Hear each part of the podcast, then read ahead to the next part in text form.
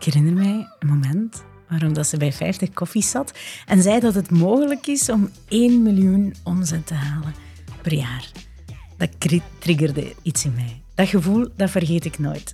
En daarom nodigde ik ze, dus Veronique Bokstaal, uit voor vandaag. Ik ben super benieuwd naar haar marketingmemo. Veronique die groeide op in een ondernemersfamilie. Ze dreef al een handeltje met haar kleinste broer als, als meisje. En dit wees op een vroege interesse in het zaken doen. Na een corporate carrière als entrepreneur koos ze op haar vijftigste pas voor het ondernemingschap. Ze startte een voedingsbedrijf op Wheatless More en dreef het in de muur van tijd tot een niveau van uh, excellence. En daarna verkocht ze het. Ze richtte daarna Female Founders Academy op. Ehm, deze academy biedt vrouwelijke ondernemers training en coaching om hun bedrijf te laten groeien. In 2023 richtte ze daarnaast ook nog eens haar eigen start-up Outgrow op. Deze start-up helpt vrouwelijke ondernemers om hun omzet dus naar die 1 miljoen te brengen. Ze is een sterke pleitbezorger voor vrouwelijk ondernemingschap dat gelooft dat vrouwen een belangrijke bijdrage kunnen leveren aan de economie. Een inspiratiebron voor heel veel vrouwen met een eh, BTW-nummer, mezelf in kluis. En daarom schreef ze eigenlijk uh, Vrouw van 1 miljoen een roadmap uh, eigenlijk voor elke onderneemster om naar die 1 miljoen te gaan. Sommige mensen vragen zich af wat moet Beyoncé doen. Ik vraag me af wat, wat, wat moet Veronique doen. Met knikkende knietjes en toch wel een klein beetje een ijdele, ijdele hoop op ooit die 1 miljoen. Um, ja, praat ik vandaag met Veronique. Welkom, Veronique. Dankjewel, Veronica. Blij, Max. blij om hier te zijn. Dankjewel, dankjewel. Om even hè, kaderen, normaal gezien is hier in een studio, maar we lenen hier even de infrastructuur van Meet District in, uh, in, in Dichem. Um, dus dat is altijd een beetje wennen aan een nieuwe, aan een, uh, nieuwe omgeving. Maar dat houdt ons niet tegen om, uh, om, um, ja, om een verbindend gesprek te houden. Absoluut. Dat is een lange intro, maar met een lange intro, dat hoort natuurlijk ook wel indrukwekkend cv. Dus um, ik ben een beetje starstruck uh, als het, als het Och nee, toch niet. Uh, niet nodig. Ja, absoluut niet. Nee. Maar um, ja, met zo'n indrukwekkend uh, cv natuurlijk, ja, daar heb je wel wat lessen uitgehaald natuurlijk. Dus ja, zoals ik het altijd wel een beetje vraag, is um, ja, van intrapreneur naar succesvolle onderneemster, wat was eigenlijk het meest onverwachte uitdaging die je, die je along een koerde route eigenlijk hebt, uh, hebt meegemaakt? Die was eigenlijk vrij snel, uh, zeer duidelijk. Uh, voor mij was het een beetje terug naar af. in de zin, ik ben voor de eerste keer echt gesprongen op mijn vijftigste. Mm -hmm. en ik dacht, ja, indrukwekkend, geen indrukwekkend, maar toch al een deftig parcours gereden. heel groot netwerk, van alles gedaan, voor heel veel bedrijven gewerkt. Dus ik dacht, dat gaat hier lopen gelijk een fluitje van Essent. Ja, alles behalve natuurlijk. Uh, first time entrepreneur. Dat is bloed, zweet en tranen, zeg ik altijd. Hm. Uh, dat is een MBA die je nergens kan volgen. En ik heb hem zelf betaald, want ik was niet gefinancierd. Um, maar terug naar af in de zin van heel onzeker. Omdat je met heel veel zaken te maken krijgt die je nog nooit hebt gedaan. En er is niemand anders die een beslissing gaat nemen. Jij bent degene die gaat beslissen. En dat was een, een eye-opener van je welste, niet alleen voor mij, maar ook voor mijn co-founder. Van ja, hier moeten we iets doen. En we kunnen aan honderden mensen gaan vragen wat, hm. maar wij gaan het moeten beslissen. Dus in dat opzicht heel onzeker ook over, doe ik, kan ik het wel? Doe ik het wel oké? Uh, ik vond anderen, ik was starstruck door andere ondernemers hm. en ondernemers. Van, ik vond die doen het allemaal veel beter dan ik zelf. Uh, vaak gedacht van, ik kan het gewoon niet, ik, ik, heb mezelf overschat. Maar gaandeweg dan toch uh, geleerd of gekeken naar anderen en zoiets van, ja, ik ben toch eigenlijk niet alleen in dat pad. Anderen komen dat ook tegen. Niet iedereen gaat het met zoveel woorden zeggen. En dat vond ik ook de grootste toegevoegde waarde van in een incubator te zitten, van daar te kunnen zien dat anderen ook worstelden. Ja. Want anders had ik het misschien te lang op mezelf betrokken. En daarom is mindset de eerste, eerste, ja, eerste topic binnen, binnen je boek. Hè? Maar zeer laat gekomen. Dat inzicht is bij mij zeer laat gekomen. Ondanks het feit dat ik er zelf tegenaan liep, had ik het niet door. Nee. Had ik het niet door. De eerste keer dat ik mijn acceleratorprogramma organiseerde, zat dat er niet in. Mindset. Ik had zoiets van fluffy stuff komt er bij mij niet in. Mhm. Een business uitbouwen is genderneutraal en dat gaat over omzetboeken, marketing doen, sales, zorgen dat je voldoende financiële middelen hebt. Maar ja, met ons voeten in, in, in, in nat zand gaan, in nat zand of in nat gras gaan staan, dat gaan we niet doen. Maar na die eerste editie had ik zoiets van, hier ga ik aandacht moeten aan besteden. En tot op vandaag is dat voor mezelf nog altijd geldig. Ik moet daar voor mezelf ook nog altijd veel aandacht aan besteden. Hoe incorporeert je dat op een daily, weekly, monthly, quarterly um, basis? Ja, want in je boek staan er bijvoorbeeld checklists van oké, eh, per kwartaal ga ik kijken naar uh, wat, zijn de gemiddelde verko uh, wat zijn de verkopen. Hè? Dus de, de, de, de die-hard metrics, eigenlijk de harde cijfers. Um, hoe incorporeer je dat mindset-stuk eigenlijk mee? ook op een quarterly, weekly basis? Daily, zeg maar. Daily. Ja, ik heb mijn kleine journal voor mezelf, waar ik dagelijks inschrijf van hoe ga ik mijn dag in. Ja. Mijn prioriteiten liggen vast voor de dag. Uh, en soms haal ik die, soms haal ik die ook niet. Uh, hangt er soms wat van af. Maar mindsetgewijs uh, pak ik mezelf s morgens altijd even vast om te zeggen van hoe ga ik mijn dag in? Hm. en, en waar zit er, als ik iets uitstel, waarom? Waarom stel ik iets uit? Wat, wat zit er in de weg? Want dat heeft meestal te maken met, bij mij is dat dan van, goh, ik moet er nog eens over nadenken. Ik ga nog eens nadenken hoe dat ik ga aanpakken. En dan, van, van, van vandaag schuift dat dan naar morgen en schuift dat dan naar overmorgen als daar geen deadline op staat terwijl dat wel belangrijk is. Ehm, dus dan is het van eens analyseren wat zit er in de weg of wat heb ik nog nodig of wat is de eerste stap die ik moet zetten om eraan te beginnen. En dan ben ik meestal wel vertrokken. Oké. Ah, dat is wel een mooie. Om echt, uh, wat heb ik nodig om, om, te, om te beginnen? Moet ik met iemand praten? Uh, moet ik me gewoon even afzonderen? Dat is mijn boek ook. Hè. Ik, ik, ging mijn boek schrijven en maar uitstellen. Hè. Uitstelgedrag van je welste, tot ik op een gegeven moment uh, doorhad van ik ga mij een plek moeten maken, apart van mijn bureau, waar ik dat boek ga schrijven. Ik ga mij moeten afzonderen van mijn normale werkplek. Dan heb ik mijn tweede plaats geïnstalleerd.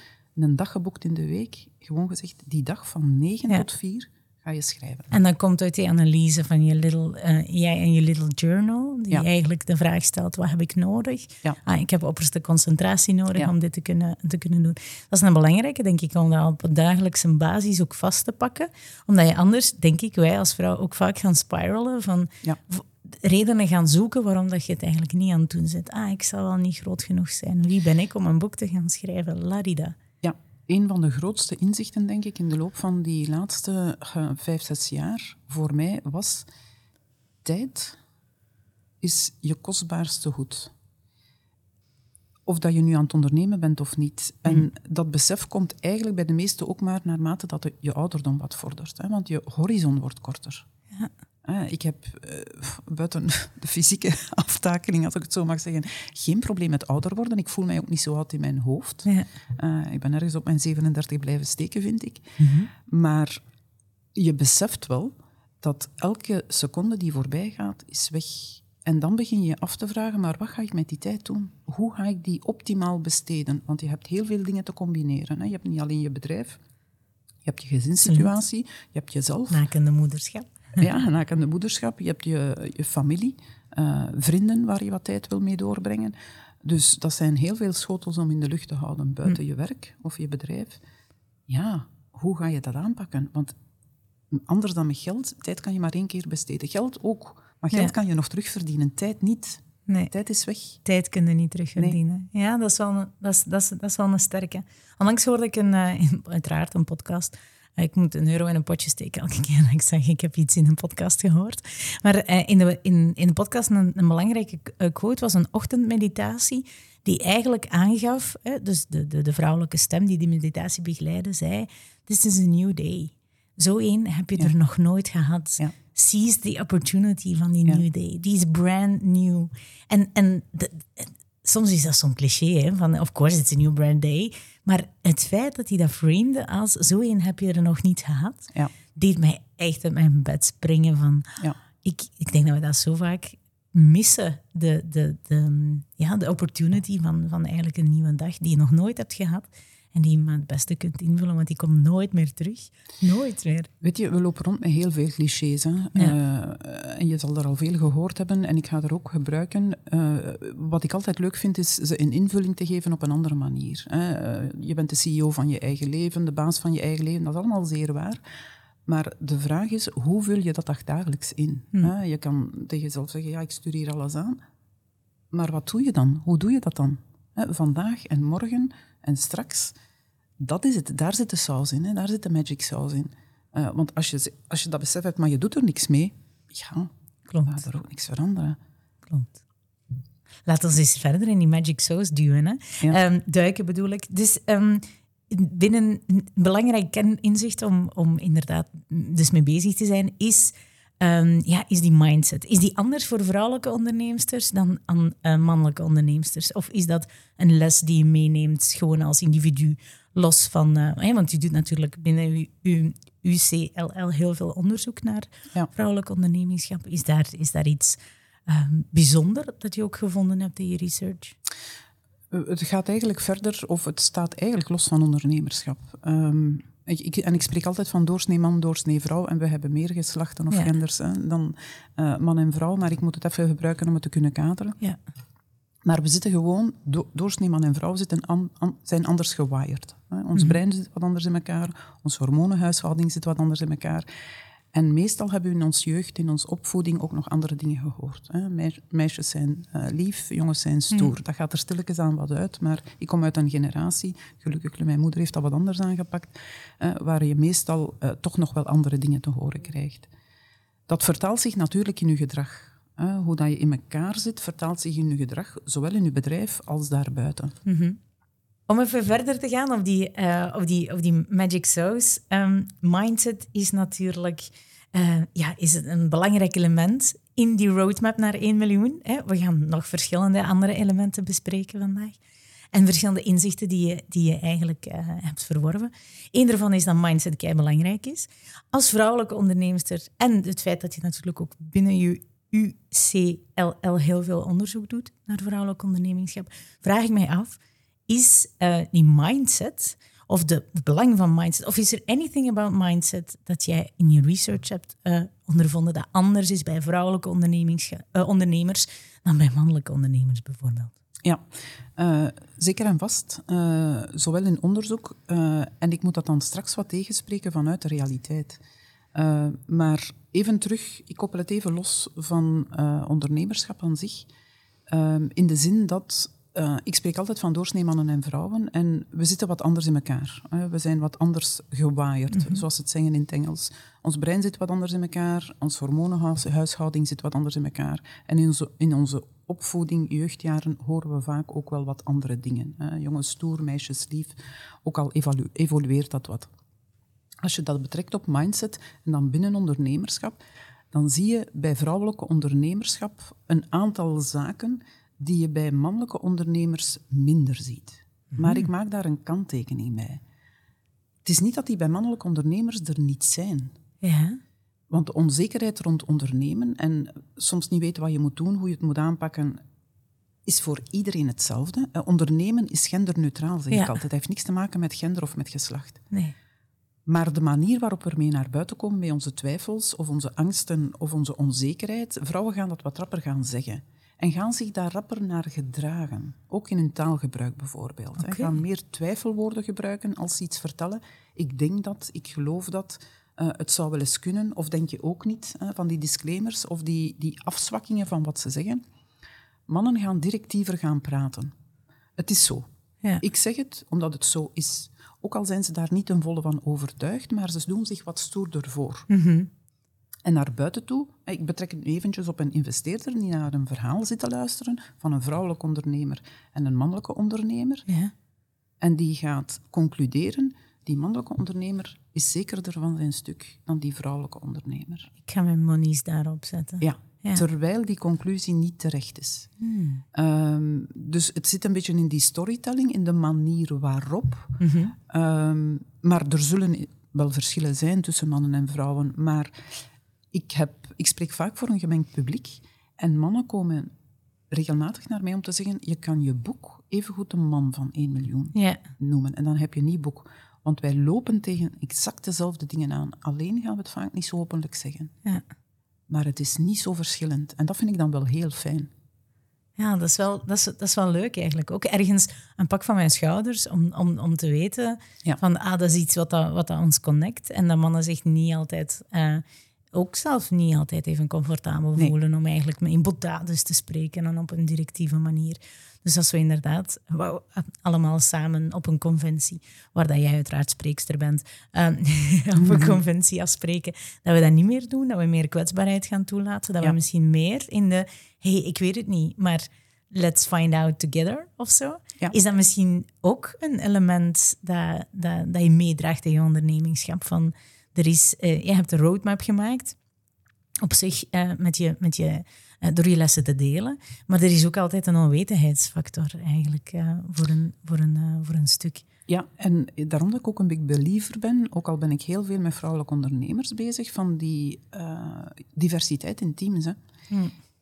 We zijn complementair. Het is zoeken naar complementariteit. Hè. Want anders, als je alleen gaat zitten of te veel met hetzelfde, mhm. dan ga je bepaalde ja, dingen fout doen is een groot woord, maar tegen bepaalde drempels aanlopen, die je misschien voor een stuk gaat vermijden als je met een goed gemengd team zit. Dus ik ben pro-diversiteit, echt waar. Mhm. Eh, op vlak van ondernemerschap, maar uh, doorsnee in het algemeen. Um, net omwille van het feit dat, eh, ik zeg altijd, onzekerheid en angst is de middelneem van elke ondernemer. True. Je hebt nooit alle informatie om te beslissen. Jamais. Je hebt altijd onzekerheden. Het is de markt, het is de omgeving, het zijn mensen in je team waar je niet een volle kan op rekenen of die misschien dreigen weg te vallen of uit te vallen. Er zijn altijd enorm veel factoren die je gaan verhinderen om hè, die juiste beslissing, waarvan je op voorhand niet weet is ze juist of niet. Maar het is zo, je gaat niet altijd juiste beslissingen nemen en je gaat niet altijd beslissingen nemen die fout uitdraaien. En vandaar dat de mix eigenlijk en de gemengde teams of gemengde energie in teams wel gaan zorgen. Dat, het is die gemengde blik op iets, hè, dat je met elkaar kan gaan sperren van wat vinden we hier nu van dat we moeten doen, hè, gezien factor A, B en C. En dat je gezamenlijk voor een stuk kan beslissen, maar dat je wel beslist uiteraard, dat je niet blijft hangen in de analyse. Um, en dan achteraf ook de gunfactor naar elkaar toe om te zeggen van uh, hier zijn we jou, vooral jouw route uitgegaan en het heeft goed uitgedraaid, maar ook niet gaan blamen als het ergens fout is uitgedraaid. Je beslist samen als je met een aantal in een bedrijf zit. En uh, ja, the proof of the pudding is in the eating. Hè. Absoluut. Ondernemen. Absoluut. Um, je, hebt het, je hebt het genoemd intussen, het team, um, het samen doen. Ik denk dat voor veel luisteraars um, voor veel luisteraars het, het ook een droom is om at some point. In de vorige aflevering bijvoorbeeld van de Marketing Memo ging over uh, strategische partnerships. Uh, somehow zijn we at some point voor jou, hè, je hebt het in, jouw, in jouw boek ook benoemd als ergens rond die uh, 100k, 300k, dat je, dat, dat je daar wel nog alleen geraakt. Hè. Maar at some point zijn we, zijn we hè, en daar zit ik nu bijvoorbeeld, op zoek naar ja, die strategische partnerships, ja. Uh, andere mensen. Uh, om, om mee samen te werken. Um, je hebt het eigenlijk ook uh, hard gemaakt in een, um, uh, in, in een van de grafiekjes. We kunnen hier even kijken. Um, ik heb dat uit je boek gehaald. Um, je, je, bespreekt, en, en dat is denk ik de belangrijkste pagina uit je boek, dat is voor mij thans toch zo geweest, redelijk in het begin, waar, dat, waar dat je eigenlijk doorloopt van oké, de verschillende fases van het ondernemingschap, van bijverdiensten naar eigenlijk ja, uh, voorbij die 1 miljoen, hè, wat, uh, wat na die 1 miljoen. En als we inzoomen op ja, de afhankelijkheid van de eigenaar, met de mate van automatisering of hulp dat je krijgt ja. Uh, binnen die, ja, dan zien we daar natuurlijk wel rond die, rond die vanaf die 300k eigenlijk wel een significante stijging van oké, en dit is het punt waarop dat, dat, dat, dat, dat het verandert, dat het shift. Dat je eigenlijk meer als onderneemster, uh, als founder in handen kunt leggen van je managementteam en, en dat je minder de drager bent van je, uh, van je onderneming. Super cruciaal punt. Hoe geraken we daar? Eigenlijk is, uh, ik vergelijk een bedrijf graag met een baby krijgen. Uh, Interessant. ja, uh, ik heb zelf een dochter um, en ik vond het zeer frappant vanaf het moment dat mijn dochter geboren was, dat dat een proces was van loslaten. Ja. Vanaf die eerste moment. Niet van, ah, ze hebben nu geen zorg meer nodig, ze is intussen 15, ze wordt 16 in juni. Nee, voor mij was dat van in het begin dat een proces van loslaten. En ik ben me daar zeer bewust van geweest. Van, uh, ik ga gewoon volgen op dat pad en ik ga mezelf continu moeten ontslaan. Super herkenbaar, omdat je weet dat er at some point een punt komt waarop dat het ongezond is om niet te onthechten. Hè? Dus... Uh, toen ze nog klein was, uh, en ik, ik, was enorm verbaasd van de intuïtie die in zo'n kind zit. Hè. Uh, dus op een gegeven moment beginnen ze te kruipen. En mijn dochter die had zoiets van, oké, dat kruipen heb ik onder de knie. Nu ga ik mij hier recht zetten aan een tafel. Ga ik even blijven recht staan. En dan, oké, dat heb ik hier ook onder de knie. En nu ga ik gaan stappen. Ja. En jij volgt daarin. Je kunt niet anders dan volgen. Dat gaat automatisch. Je moet niks doen. Dat komt gewoon automatisch. Nu, in een bedrijf is dat hetzelfde. Zelfs van het moment dat je begint. Want ik zeg wel van, kijk, op een gegeven moment heb je een team nodig hè, om die 300, die 250, want dat zijn eigenlijk maar getallen. Ja te overstijgen. En dat hangt ook af van sector. Ehm, maar um, dat jezelf preppen naar dat loslaten en eigenlijk van in het begin al te kijken naar waar kan ik dingen voorbereiden om ze los te laten op een gegeven moment. Ik, ik heb enorm veel gehaald uit een boek van Michael Gerber, uh, de E-Myth, die zei, eigenlijk moet je je bedrijf vanaf dag één bekijken als een franchise. Stel dat je een McDonald's zou hebben. Ja. En dat je, of dat je McDonald's bent. En je wil morgen een restaurant openen in Brussel en je zet daar iemand anders in. Hm. Die krijgen een operations manual. Die gaan moeten opereren volgens, onder jouw brand, volgens jouw methode, volgens jouw operationeel model. Dat is eigenlijk de magic sauce. Dus van in het begin denken van, kijk, ik ga documenteren wat ik aan het doen ben.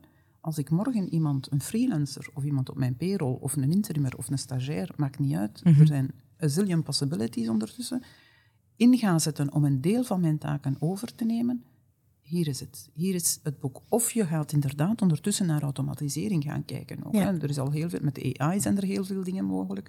Ehm, als je dat van in het begin je eigen maakt, om daar mee over na te denken. Niet alleen van ik zit mij hier hè, dood te werken en Mhm. ik heb al die schoteltjes in de lucht te houden. Het is allemaal ik, ik, ik. Maar van te denken van, als ik dit morgen aan iemand anders overdraag, wat moet er dan gebeuren? Hoe kan ik dat overdragen? Al was dat je het gewoon insprak. Ik ben nu, of opnam, wat je Ja. aan het doen bent. Ik kan van alles doen ondertussen. Met in het achterhoofd van, op een gegeven moment heb ik voldoende middelen, of durf ik die sprong wagen? Het gaat niet altijd over voldoende middelen hebben om, middelen hebben om uit te besteden, maar soms gewoon het vertrouwen, als ik het uitbesteed, vertrouw ik op mezelf, dat kan verkopen en geld binnenhalen om die persoon te betalen. Ja. Want mijn salesproces is met elkaar. Ik weet mijn doelgroep, ik weet wat ik aan het verkopen ben en ik weet eigenlijk ook wel dat ik kan verkopen als ik ermee bezig ben. Absoluut. Dan heb ik zoiets van, doe maar hè. Huur maar iemand in. Ja. Werf maar iemand aan. Komt wel goed. Absoluut. Ah, die, komt, die komt wel even, even binnen, ook omdat, omdat, je, om, omdat er, denk ik, ehm, heel veel mensen, of heel veel vrouwelijke ondernemers, die, die, die, die aan die kaap zitten van, van 100, 300, hè, maakt, niet, maakt niet uit, dat die ook wel zeggen, die mentaliteit hebben van ah, misschien van ah, wat ik zelf doe, doe ik meestal beter. Is het wel goed genoeg om een ander... Waar haal ik de audacity? En dan merk Ja. ik bijvoorbeeld bij mezelf, waar haal ik de audacity van om, ehm, eh, ja, om, om, om nu eigenlijk ja, dingen te gaan uitbesteden? Hoewel dat, dat je wel heel snel merkt dat, dat, ehm, ja, dat je niet in alles... eh, als solopreneur heb je heel veel patches op. Je bent en je marketingafdeling en je salesafdeling. En natuurlijk je, je, je eigen operations. Ehm, het, is, het is eigenlijk ook wel jezelf in de spiegel durven kijken en, en beseffen dat je niet al die patches tegelijkertijd met evenveel bravoure of met Nee. heel, veel, ehm, heel veel charme of heel veel succes ook wel kunt dragen. Ja. Ehm, Het is eigenlijk op het moment dat die schotels beginnen te vallen, dat je moet afvragen, wat ga ik doen? Hè? Ja. Eh, eh, ga ik de, de brokjes oprapen? Hè? Een ontevreden klant, een ontevreden leverancier, een ontevreden partner. Maakt niet uit. Of een ontevreden thuisfront. Eh, op het moment dat die schotels beginnen te vallen, dan moet je afvragen, oké, hoe ga ik het hier verder aanpakken? Maar het tweede daarin is, omdat je zei van, hè, wat ik zelf doe, doe ik beter of doe ik perfect? Zoek maar eens naar een definitie van perfectie. ja, Dat bestaat niet, hè? nee. Perfectie is subjectief. Wat voor jou perfect is, is het niet voor mij en omgekeerd. Dus dat op zich is al een stukje arrogant van te denken, wat ik doe, is perfect. Nee. Nee. Wat het wel is, de manier waarop jij het doet, gaat misschien niet overkomen volledig op iemand anders. Ja. Iemand anders zal het misschien iets anders aanpakken. Ja, klopt. Het is niet dat ik denk, eh, wat ik zelf doe, doe ik, doe ik, eh, doe ik, doe ik meestal, meestal beter. Maar wel het, het, ehm, het aspect van, er is zoveel tegelijkertijd gaande. Ehm, ergens denk ik dat wij een allergie hebben, ook aan standard operating procedures. Hè. Ja. Ehm, dat, we, dat, dat we ergens bang zijn voor een stuk om het vast te, te zetten in een protocol. Want Wat als, er zijn zoveel variabelen en, en is dit wel the way to go? Dat misschien zelfs eigenlijk onzekerheid, rather dan arrogantie is die, die daar een rol speelt eigenlijk. Van, is dit wel the way to go? Ga ik het echt wel vastrijden in een proces nu? Want dat neemt mij ongelooflijk veel vrijheidsgraden weg van het de volgende keer misschien anders te doen. Ja, alhoewel eh, de basis van een proces is, dat is altijd vatbaar, voor verbetering. En of die verbetering dan door jou wordt aangegeven of door iemand die het uitvoert, van het moment dat je daar voldoende flexibiliteit uh, in toelaat. Natuurlijk, als je op een bepaalde manier iets produceert, je productieketen zit op die manier, is dat iets lastiger. Maar het gaat hier over meestal dingen gewoon doen op een bepaalde manier, in een bepaalde volgorde. Ja, dat is flexibel. Als je voelt dat dat niet werkt, of dat het beter kan, dan pas je gewoon aan. En het leuke is, als je, ehm, ik heb het ook uit dat boek van Michael Gerber, als iemand zegt van dit is hoe je het moet doen. Ik, ik zeg altijd tegen onderneemsters, als je iets doorgeeft aan iemand anders, wees maar streng in het begin. En je zegt van dit is hoe ik, hoe ik het wil zien gebeuren. Ja. Omdat ik het ben. Ik heb het opgericht, het is mijn bedrijf en zo wil ik het zien. Ik wil daar groen en daar geel en daar blauw. Ja. Maar laat die medewerker of die persoon aan wie je het uitbesteedt dan ook de vrijheid uh, om te zeggen, of de verantwoordelijkheid, als je verbeteringen vindt, kom gerust. Hè. Het is niet omdat ik het zo doorgeef, hè. kom maar gerust terug als je zegt, maar ik heb dat nu gedaan en eigenlijk kan dit nog wel vlotter of optimaler. Kom maar gerust terug en dan mag je ook niet afblokken. Nee, tuurlijk. En je gaat zien gaandeweg, je kweekt vertrouwen in elkaar. Hè. Je vertrouwt die medewerker of degene aan wie dat je uitbesteedt en omgekeerd. En op een gegeven moment hè, ga je er niet meer aan denken. Ga je gewoon zeggen, ik geef het door. Whatever. Ik weet dat het gaat gebeuren, dat het goed gaat gebeuren. Gaat het perfect zijn? Wellicht niet. Maar zolang ik geen klachten binnenkrijg, dat of dat er niks fundamenteels fout loopt. Dat is waar. Een, een, een vraag, Veronique. Wat, wat, is het eerste dat jij hebt uitbesteed? Zowel bij, bij Weetless and More als, um, als binnen Outgrow nu. En ik ben wel eens benieuwd, is er een verschil tussen product-based en service-based businesses om, om zaken te gaan uitbesteden? Ja. Uh, bij Weetless and More, ja, de eerste uitbesteding is altijd aan uw boekhouder. Ja. Uh, die gaat je inschakelen. Um, maar het eerste wat we uitbesteed hebben bij and More was, we hadden van in het begin beslist de uitlevering, de opslag en de uitlevering van ons goederen gaan we niet zelf doen. Ja. Uh, we waren van expertise in marketing en sales bij elkaar, de ideale motor om een bedrijf te starten en te doen groeien. Maar we hadden zoiets van uh, doosjes inpakken en versturen naar de post rijden dat gaan, of laten ophalen, dat gaan we niet doen. Dus we, we, zijn gaan samenwerken met een e-fulfillment bedrijf, bedrijf. Stond toen in de beginschoenen hier in België of in Vlaanderen, bloed, zweet en tranen ook. Maar dat is een apart verhaal. Um, en dan op een gegeven moment hebben we een medewerker aangeworven om uh, communicatie naar klanten, opvolging van binnenkomende bestellingen, uh, opvolging van e-mails, um, wat voorbereidende administratie te doen. Dat was eigenlijk het tweede, dat was de eerste medewerker. Nu bij Outcrow werk ik met freelancers. Wat is er uitbesteed? Mijn administratie, mijn website, daar zitten twee mensen op, en mijn socials. Ja. die, die staan in de startblokken omdat ik nu bezig met, ben met een nieuw programma. Yes. Um, tot het moment dat ik vind dat ik voldoende werk daarvoor heb om te zeggen van ik ga nu iemand aanwerven. Mm uh, deeltijds of, maakt niet uit, of voltijds, afhankelijk van hoeveel werk dat er is. Mm -hmm. Maar in eerste instantie ja, uitbesteden, of dat nu aan freelancers is, of, of het, is, het is eigenlijk die eerste stap zetten naar... Ja. Um, ja, naar kan ik, uh, can I buy back my time eigenlijk, ja. om dingen te doen Um, om dingen te doen die, uh, ja, die impactvol zijn, om die volgende stap te nemen. En de volgende stap is eigenlijk dofies klein beetje meer loslaten van je bedrijf. Be ja. bedrijf. En dat is ergens misschien ook wel... Ik ben benieuwd wat dat er daar zit qua, uh, qua, qua insight, maar ergens ook wel een, een, een, een keuze die misschien veel vrouwen uh, of vrouwelijke solopreneurs het moeilijk hebben om die stap naar klein, naar klein bedrijf naar een stabiel bedrijf en dan uiteindelijk naar, uh, naar 1 miljoen te gaan nemen. Um, ja, waarbij dat ze, dat, dat ze ook misschien niet durven loslaten. Um, dat, is, dat gelijk dat je benoemd hebt met je, met je dochter. Hoe, hoe, hoe draag je dat elke dag opnieuw weekly, daily of monthly of, um, of quarterly mee? Dat je eigenlijk bij elke stap een klein beetje meer... Um, dat het bij elke stap een beetje minder om u gaat, maar meer om uw bedrijf en om wat dat je klant ja. nodig heeft. Um, hoe, hoe zie je dat? Ja, dat loslaten hangt ook een beetje samen met um, de vrees voor ik word minder het gezicht van mijn bedrijf of ik word minder belangrijk naar bepaalde personen toe. Dat speelt ook vaak mee. Van, ik trek mij eigenlijk voor een stukje terug op de achtergrond. Naar klanten toe, naar leveranciers toe. Uh, dat is ook een stap die je moet nemen waar eigenlijk voor mij niet veel risico of niet veel... Mij houdt dat niet tegen. Mhm. Ehm, want uiteindelijk, naarmate dat je bedrijf groeit en kijkt naar de grote bedrijven, wat wordt de rol van de baas of de CEO van een bedrijf? Ja, dat is eigenlijk de PR-guy of de PR-woman. Die naar buiten toe het gezicht is, die uh, het bedrijf gaat promoten langs alle kanten. Dus die visibiliteit die komt wel terug als je die zou willen. Um, dus in dat opzicht spelen daar verschillende dingen. En langs de andere kant, die, die angst, mm een beetje het gebrek aan vertrouwen, uh, of vertrouwen leren hebben in het komt wel goed. Um, als je loslaat, is, als we spreken van de magic sauce, als je dingen overdraagt aan iemand anders en loslaat, dan is je eerste taak bezig te zijn met marketing en sales. Ja. En met die motor van je bedrijf. En dat je verder gaat groeien. En niet te zeggen van, ah ja, ik ga het nu even extreem stellen. er is iemand, iemand die heel mijn administratie op zich heeft genomen en ik kan nu op Insta gaan scrollen. Mhm. Nee. nee. je moet dan je tijd gaan invullen met prioritaire zaken. En prioriteit als je wil groeien is altijd marketing en sales. Absoluut.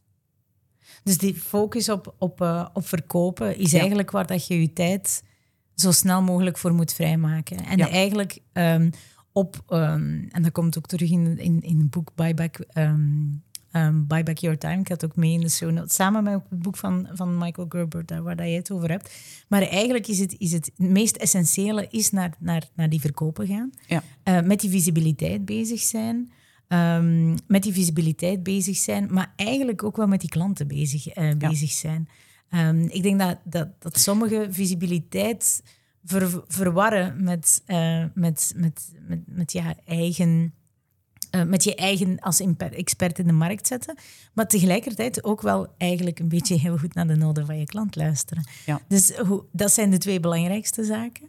Ja. Um, twee belangrijkste zaken uh, ja, die sowieso vooral mee moet bezig, bezig zijn.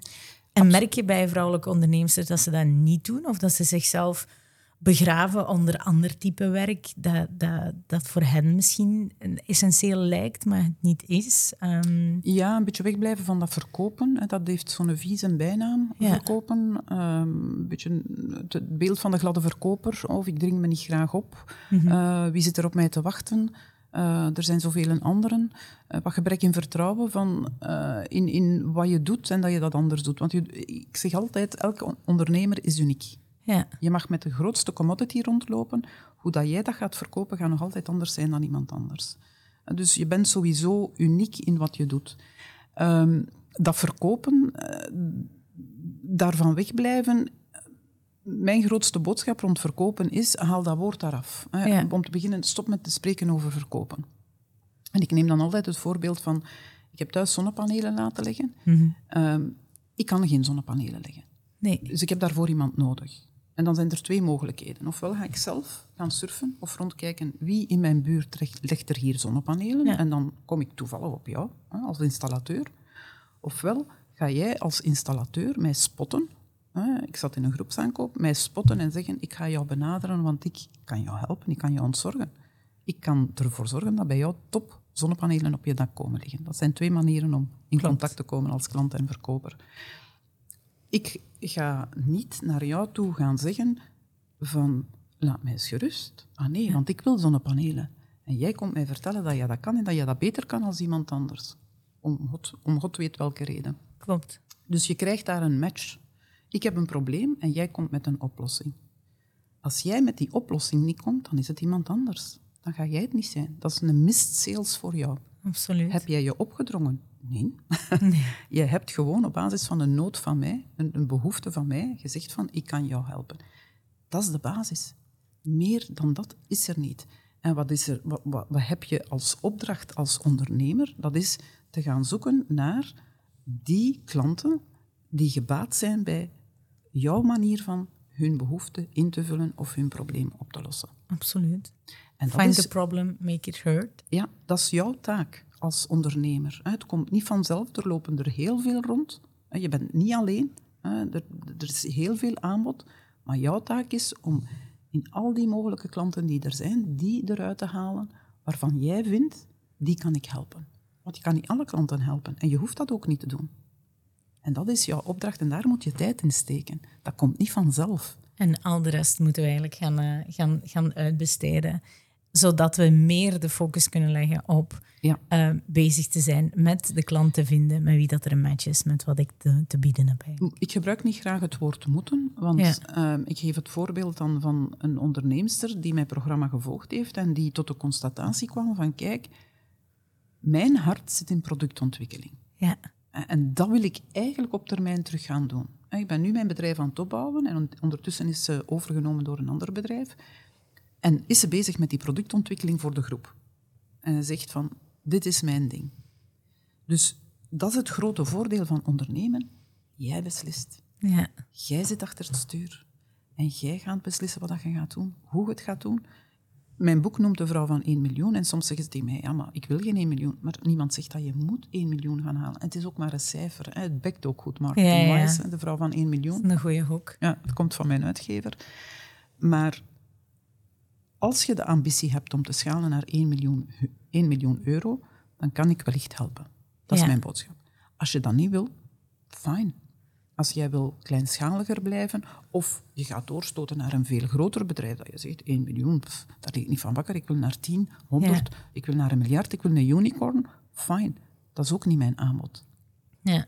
Ik wil die ondernemers die blijven steken zijn in dat spaangat tussen 100 en 300 of 250, mm helpen daar bovenuit te geraken. Om daar echt significant um, uit, uit te geraken, uit die hassel die, uh, die uiteindelijk altijd maar een procentpunt meer oplevert per, uh, per gegeven. Ja, vandaar ook, dat, dat, dat matcht ook super hard zo met mijn visie rond ideale klant. Um, uh, rond ideale klant bestaat eigenlijk voor mij niet. Dat is zo chasen van, van iemand ja, dat zijn spoken achter, achterna uh, jagen. Uh, eigenlijk is het gewoon zoeken naar happy clients. Van Hoe kunnen we happy zijn in, in zowel als aanbieder als, uh, als um, ja, degene die het aanbiedt, als degene die het vraagt hoe kunnen wij in die, in die harmonie, om het, om het fluffy te zeggen, misschien wel, wel gaan bestaan? In plaats van te gaan chasen, ja, maar mijn ideale klant, mijn ideale klant. Zit jij de ideale aanbieder voor, uh, voor je klant en kijkt, en daar heb je wel controle over. In plaats van eigenlijk te gaan manipuleren bijna van, ja, wat wil die ideale klant? Het gaat over conversaties hebben, hè. Ehm, de aanbieder is niet perfect en de klant is niet perfect. Hè. We zitten allemaal in een wereld die complex is. Maar het is maar door een gesprek te hebben met elkaar en samen te leren. Ik durf dat ook te zeggen. Van, dat weet ik niet, daar moet ik gaan kijken, waar kan ik het vinden, want hier kan ik niet direct mee helpen. Uh, ik ben daar niet te benauwd voor om te zeggen van, ik, ik ben niet, geen guru, ik ben geen business guru. Um, ik heb niet alle antwoorden op alle vragen. En dat hoeft ook niet. Een klant verwacht dat ook niet. De basis eigenlijk van een gelukkige klant is, als jij mijn klant bent en jij hebt een probleem, en ik neem dat over en ik zeg, dat wordt mijn probleem, want ik ga het voor jou oplossen. Ik ga op zoek gaan naar de oplossing. Ik heb ze misschien zelf niet in, in handen, maar mhm. ik ga zorgen dat er een oplossing komt. Dan zijt jij de gelukkigste klant van de wereld. Absoluut. Ik denk uh, ook te zo terug te gaan, om uh, terug te gaan naar het verschil tussen die um, product-based businesses en service-based businesses, denk ik ook dat, dat in service-based eigenlijk juist makkelijker is om, om die verbinding aan te gaan met die happy client en eigenlijk nog meer vrijheidsgraden te ervaren in hoe dat je die klant uh, happy kunt maken. Maar ook in product-based businesses. Ja? Uh, ik geef altijd het voorbeeld van bij een koffiezetmachine, bij een koffielover. was uh, een stuk vorig jaar en ik moest op zoek naar een nieuwe koffie. Nu, heel simpel, ik drink alleen zwarte koffie. Espresso, bonen en gemalen koffiedeka, stenigen. Dus ik ga naar een winkel van een keten, omdat ik denk van, daar krijg ik ook wel een garantie. En ik zeg van, kijk, ik ben op zoek naar een machine. Wat zegt die verkoper tegen mij? Die leidt me waar rond. Ja, je hebt hier mid-size eh, toestanden, je hebt high-end toestanden, eh, allemaal met prijsverschillen. Die zegt tegen mij van, kijk, wat is voor u echt belangrijk bij een koffie? En ik zeg tegen hem, ik zeg, mijn koffie die moet heet zijn. Ja. Ik heb een hekel aan lauwe koffie. Die verkoopt mij een toestel van 1250 euro met alle toeters en bellen op.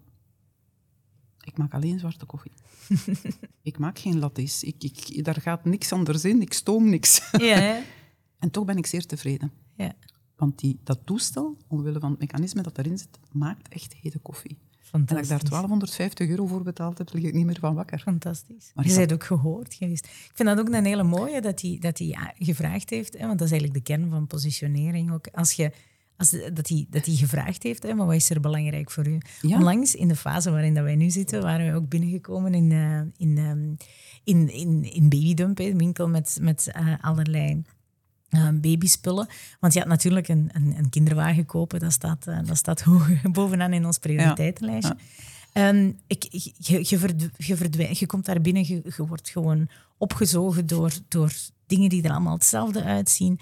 Dat ziet er verschrikkelijk uit, want het is, het is, het is zoveel. Hoe kun je in, in godsnaam een keuze maken? Die prijsverschillen zijn nu ja, zijn, zijn, zijn wel groot, maar ook niet te, om, om het echt wel significant te maken.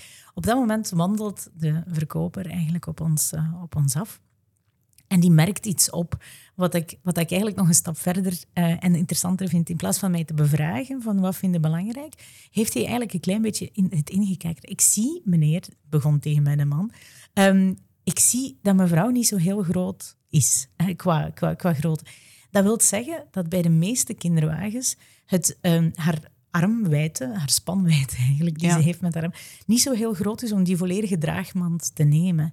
Daarom is er bij een deel van de kinderwagens een memory systeem, zodat je aan de ene kant, zodat je eigenlijk nooit de volledige een draagmand moet nemen en het kan, aan de ene kant kan klikken en aan de andere kant had ze mij geadverteerd met memory systeem hier, memory systeem daar. I wouldn't care less. Maar doordat die man op mij afkomt en eigenlijk zegt, mevrouw is niet zo groot, had ik zoiets van, heb je het nu over hoogte of breedte? Um, maar nevertheless had hij mij dus eigenlijk geholpen. Op dat moment vallen er letterlijk 200 eh, kinderwagens weg uit de volledige showroom. Wij blijven achter met de keuze, alleen met de keuze van drie, vier. Ja. En dan kunnen wij eigenlijk zeggen van, ah, oké, we halen er budget bij. Of we halen er bijvoorbeeld esthetiek bij. Of andere dingen die we belangrijk vinden om dat ook te doen. Maar dat memory systeem hadden ze nooit door mijn, um, ja, door mijn, mijn, uh, mijn strot kunnen rammen, zeg maar. Of mij nooit kunnen verkopen door super hard uh, product-minded uit te leggen van wat dat het is en wat dat het goed doet. Maar eigenlijk door alleen maar ja, te zeggen van ik zie of ik merk op dat mevrouw, um, dat mevrouw niet zo groot is. Dus waarschijnlijk ook geen zin heeft om haar ja. volledige omtrek van haar armen te gebruiken om een draagman met een baby nog eens te, te gaan sleuren. Dus ja. Ja, we zijn gelukkige eigenaar van een kinderwagen. En het was een no-brainer. een no-brainer om, die, uh, om, om die te kopen. En dat is, dat is een dat is zo'n belangrijke, om die keuze te kunnen helpen maken voor die happy client. En, dat is... en het grijpt wat terug naar het basisprincipe in marketing, hè, know your customer. Ja. En gewoon door te observeren. Hè, ik, ik, heb die, die mogelijke klant eh, even geobserveerd, ik heb een aantal dingen geconstateerd en op basis daarvan stap ik erop af en kan ik helpen. Mm en je voelt je dan ook geholpen. Absoluut. En dat is een van de grootste... Je wilt ook geholpen worden. Ja, Anders had ik wel online tik en morgen stond hij daar. Nee, we, zijn, we, we, gaan ons wagen op zaterdag namiddag in, een, uh, in een shoppingcenter, uh, in een grote babywinkel, om eigenlijk die dingen te gaan doen. Dat zijn a lot of sacrifices eigenlijk. Absoluut. Dus Absoluut. Ik ben blij dat ik inspanning om te kopen, hè, zoals ze zeggen. Niet alleen uh, het, het, betalen van je product, maar alle inspanningen die je doet om, om het te kunnen kopen. Hè.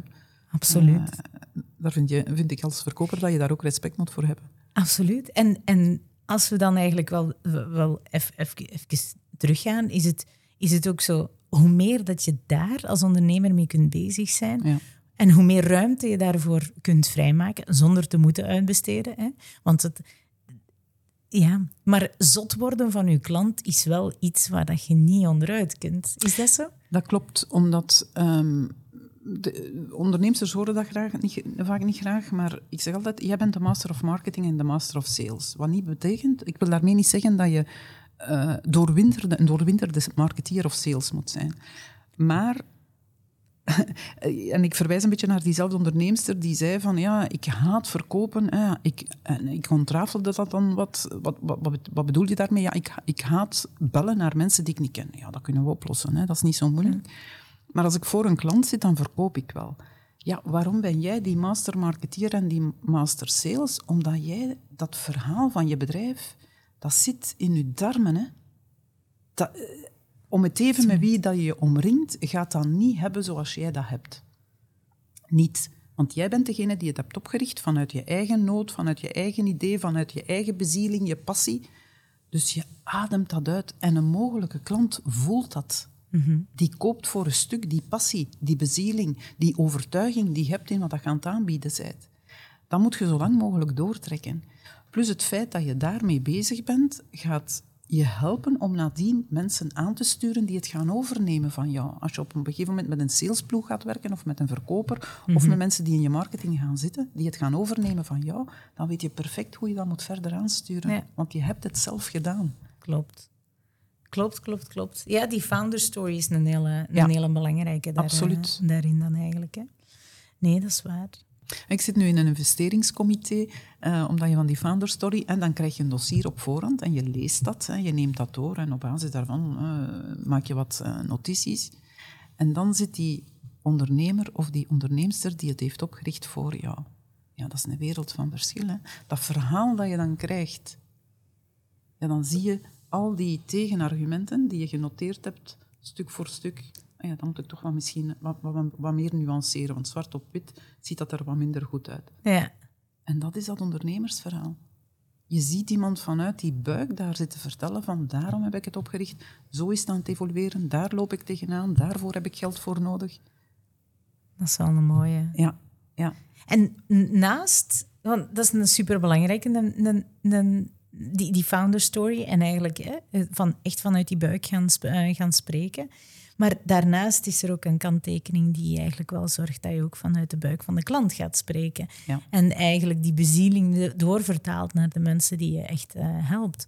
Um, en ik denk dat daar ook voor een stukje, en ik weet niet of, dat, uh, of, dat, of dat, dat je die assumptie kunt, kunt bijstaan vanuit research of vanuit je ervaring, maar ik denk dat heel veel vrouwelijke ondernemers daar misschien ook wel het idee hebben van het idee hebben van, ja, maar ik ben zo geen wereldverbeteraar. Hè. Ik durf mijn, mi mijn missie, mijn visie niet te, niet, niet te groot maken. Ik, ik help de klant niet echt zo super, uh, super hard. Hoe levelt je dat, dat, dat uit voor een, uh, voor een stuk, zodat met de voetjes op de grond van, goh, ja, zo transformatief ben ik ook weer niet, terwijl het die transformatie het allerbelangrijkste is. Ja, ik, ik, zie daar wel verschillende luiken in. Um, enerzijds zijn vrouwen enorm veel bezig met ik wil impact hebben. Ja. met wat ik doe wil ik impact hebben, mission-driven, zeer belangrijk voor vrouwelijke ondernemers. Dus dat is wel, uh, dat blijkt uit onderzoek ook, dat vrouwen vaak trekken naar een bedrijf waarmee ze sociaal, milieugewijs of op een andere manier impact willen mm -hmm. hebben. Ik wil een verschil maken. Hoe groot ze dat verschil dan inschatten, dat is weer iets anders. Die ambitie om te stretchen naar ik wil voldoende groot worden, zodanig dat ik zoveel mogelijk impact heb. Ja. Het is meestal vanuit, ja, ik zal maar bescheiden blijven, want ik denk niet dat ik zo ver ga geraken. Hè. Ik ga mijn, mijn, mijn ambitie niet Ja. te hoog stellen. Terwijl vrouwelijke ondernemers niet minder ambitieus zijn dan mannelijke ondernemers. Maar ze gaan het vaak wat anders invullen. Uh, en dat is soms spijtig, omdat je... Ik vind dat je ver genoeg moet mikken, hoog genoeg moet mikken en jezelf wat moet durven stretchen. Dat is wat ik in mijn programma ook meestal doe. Hè. We gaan effectief... Uh, ik geef altijd het voorbeeld, een van de ondernemers vroeg ik van tegen wanneer wil je dat 1 miljoen euro omzet halen? Ja. En die zei tegen mijn pensioenleeftijd, ja, wanneer is dat dan? Binnen 27 jaar. Toen had ik zoiets van, ja, dat gaan we toch wel even moeten bijstellen, want dat is nog wel heel lang. Um, dus dat, dat durven wat korter bijtrekken, wat hoger mikken, om te zeggen van kijk, hoe hoger dat je mikt, hoe verder dat je ook gaat geraken. Misschien ga je zo ver niet geraken als dat je zegt van nu heb ik het echt wat aan overshooting gedaan, maar ga wel verder geraken dan je oorspronkelijk doel. Ja, ja er is een, een, um, een, een, vraag binnengekomen ook van de, van de community, want ik was super trots op, uh, op het feit dat ik, uh, dat ik jou hier uh, rond de tafel mocht hebben, um, die, die, die ook wel vroeg van, oh, 1 miljoen, dat kan soms triggerend zijn. Heb het voor een stuk gecounterd door eigenlijk ook wel te zeggen van, ja, mannetjes, je moet niet, of ja. vrouwtjes, je moet niet naar die 1 miljoen als je dat per se niet wilt, maar als je wilt, I, I, I might help. Um, we kunnen samen impact maken en we kunnen de, ja. de, de, je, je onzekerheden om, om hoe ga ik daar geraken, hoe, wat moet ik daar precies voor doen, kunnen we wegnemen. Uh, triggert u dat totaal niet, hè, zoals dat aan mij getriggerd heeft in de podcast ja. van, uh, toen ik je hoorde in de podcast van 50 koffies. Um, als het jou niet triggert, even goede vrienden. Um, maar Eleni bijvoorbeeld, die vroeg ook wel van, oh, het eerste wat aan mij, mij opkomt, ik wil die 1 miljoen wel, maar at what cost? Ga ik, um, at what cost ga ik, ga, ga, ga ik dat, dat verwezenlijken? Hè? Dus hoe, hoe, hoe merk je of wat adviseer je daar om eigenlijk met die, met die krachten te kunnen omgaan die misschien ja, elkaar tegenspreken in, uh, in, in een way van ah, ik wil wel impact maken, maar shit, ik weet niet wat ik daarvoor ga moeten opleveren, uh, opgeven. Uh, hoe zie je dat? Ja, en daar is de eerste, het eerste besef of het eerste inzicht is, laat die ik los. Hmm. Hoe, ga, hoe, hoe ga ik dat rondkrijgen? Ja. Het gaat niet over jou. Je kan dat niet alleen. Je hebt daar mensen voor nodig, zowel in je privékring hmm. als in je bedrijfsactiviteit. Dat besef van je moet het niet alleen doen, je kan het ook niet alleen doen. Je gaat mensen nodig hebben en dat organiseren, dan op, achter je stuur gaan zitten en zeggen: Oké, ik ga eens naar mijn privésituatie kijken en ik ga eens kijken naar mijn bedrijfssituatie.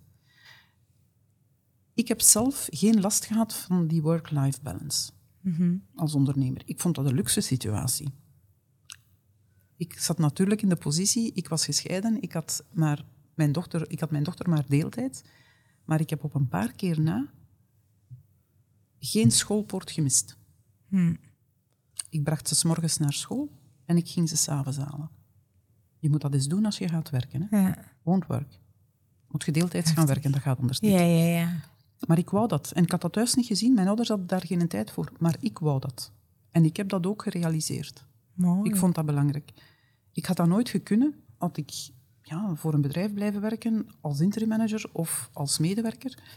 Dus die work-life balance, ja, ik, organiseer, ik, ik had zoiets van, ik wil werken wanneer ik het wil. Mhm. Daarom word ik ondernemer. Ik wil werken wanneer ik het wil. En dat heb ik ook kunnen realiseren. Heb ik veel gewerkt?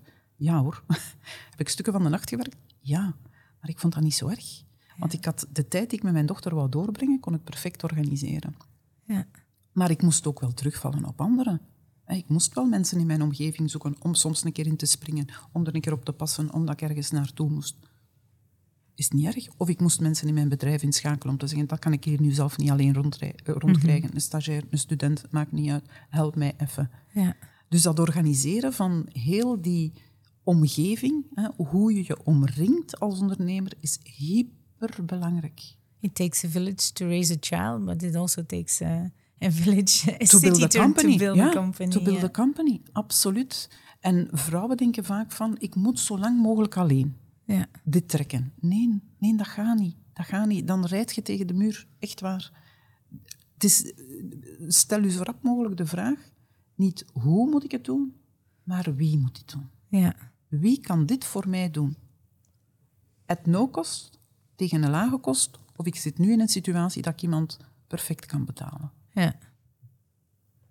Nou, dat vind ik ook wel een sterke, eigenlijk, die gradaties. Dat je daar, dat je daar ook een, een, een, een verschillende, vers, uh, ja, verschillende gradaties in hebt. Dat, dat no-cost uh, iemand die me het no-cost kan helpen, ook wel. Hè? Daarom netwerken en, en eigenlijk gaan, gaan, praten met andere mensen, tuurlijk. En wees daar creatief in. Hè? Ja. Als je met een aantal ondernemers kort bij elkaar zit en je spreekt een beurtrol af om in te springen voor mekaars kids, ja. die dan nog van misschien dezelfde leeftijd zijn, met elkaar kunnen spelen. Fantastisch ondernemers is creatief, dat hebben we in de coronatijden ook gezien. Hè. Ga er op een creatieve manier mee om, dat je elkaar helpt. Maar het is soms dat durven vragen of dat durven aangeven van ik krijg het niet rond. Ja. Daar is geen schaamte rond. Hè. We hebben allemaal veel te veel te doen, we willen veel doen en we krijgen niet alles gedaan. Mhm. Maar als we elkaar kunnen helpen, en een ondernemer heeft een hart voor een andere ondernemer, ik blijf dat zeggen. Dat is, dat, dat is ook, dat is ook. Nog een andere vraag ook die van de community, um, vanuit de community kwam, is hoe hoe kunnen wij, hoe, hoe kunnen wij vrouwen elkaar, elkaar daar meer in helpen onder, ondersteunen eigenlijk? Om, om ja, vrouwelijk onderschap ook te, uh, ja, ownership of ondernemingschap eigenlijk ook te gaan, ja, te gaan, te gaan laten floreren. Het was Sarah die dat vroeg eigenlijk vanuit een, uh, ja, vanuit te geven juist, juist de creativiteit gebeurt als je met andere ondernemers bent. Maar soms kan dat vanuit ja, krabbenmand gegeven. Of ik, ik weet niet wat, je, wat je daar ervaring in hebt. Maar ja, ik ben, wel, ik ben wel benieuwd hoe... Het is vooral durf, durf te zeggen waar je het moeilijk mee hebt. En durf een vraag te stellen. Vraag. Hè. Als je de vraag niet stelt, gaat niemand niet weten waarmee je worstelt of wat je nodig hebt. Mhm. Durf die vraag gewoon te stellen. En je ziet wel, er zal altijd wel iemand terugkomen die zegt van daar kan ik mee helpen uh, of, of daar kan ik inspringen.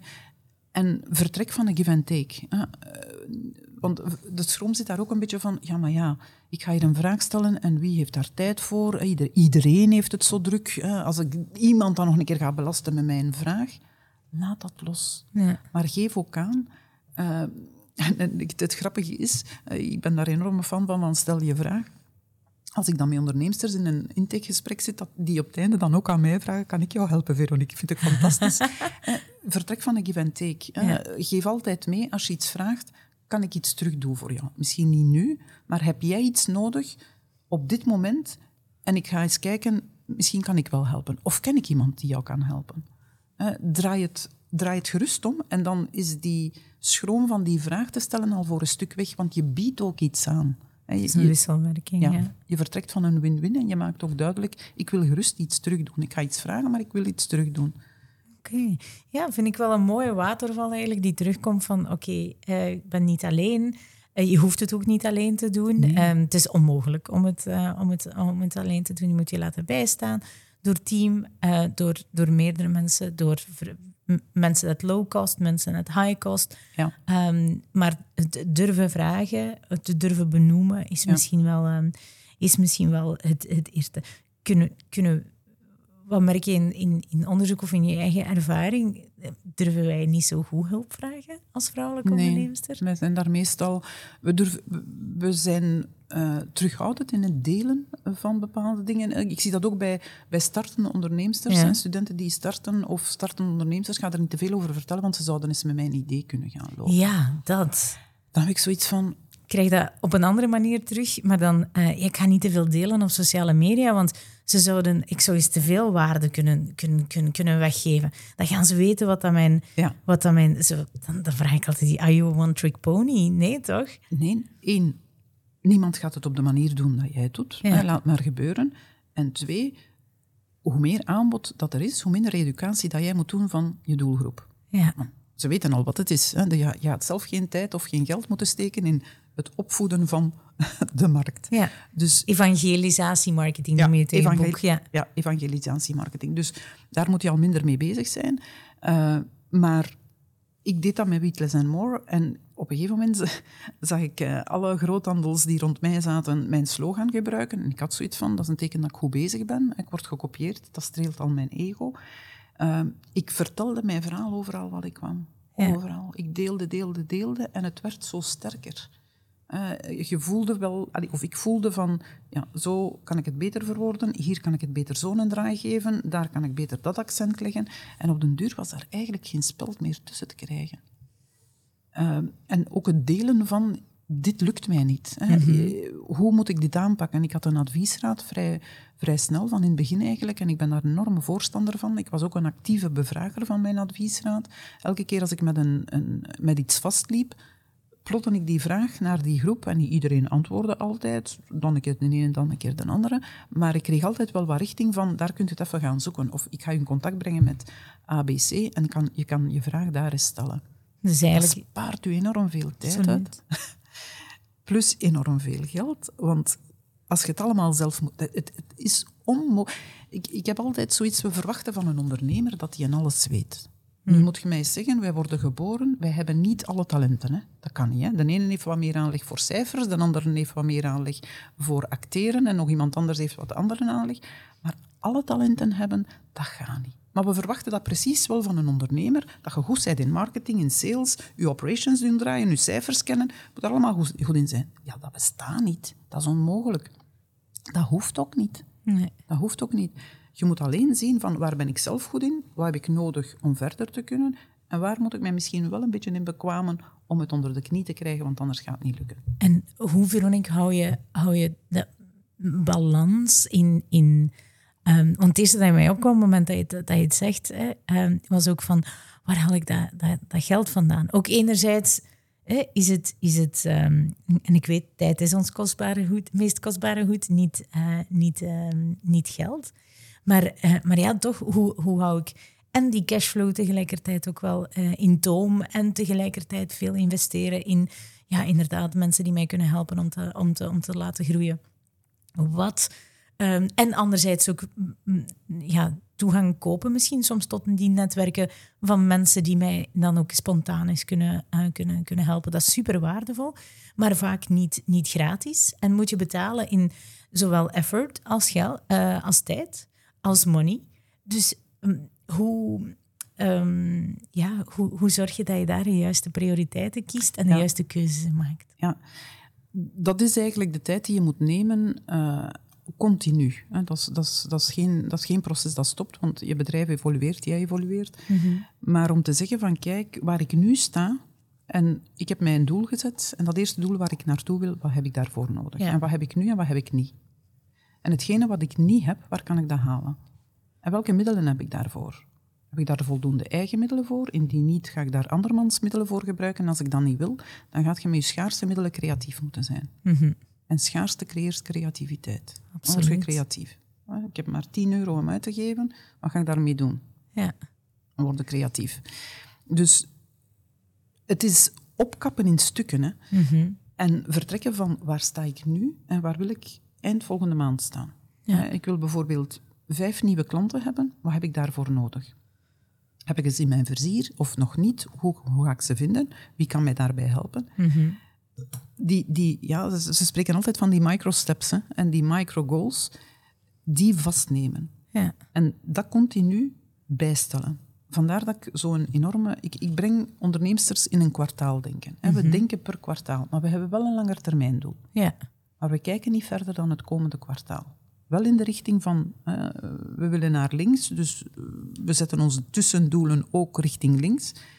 Maar kwartaal, dat is concreet, dat is planbaar. Je kunt dat vertalen naar een maand, naar een week, naar een dag. Mhm. En zo stapt je, hè, dat is gelijk een trap.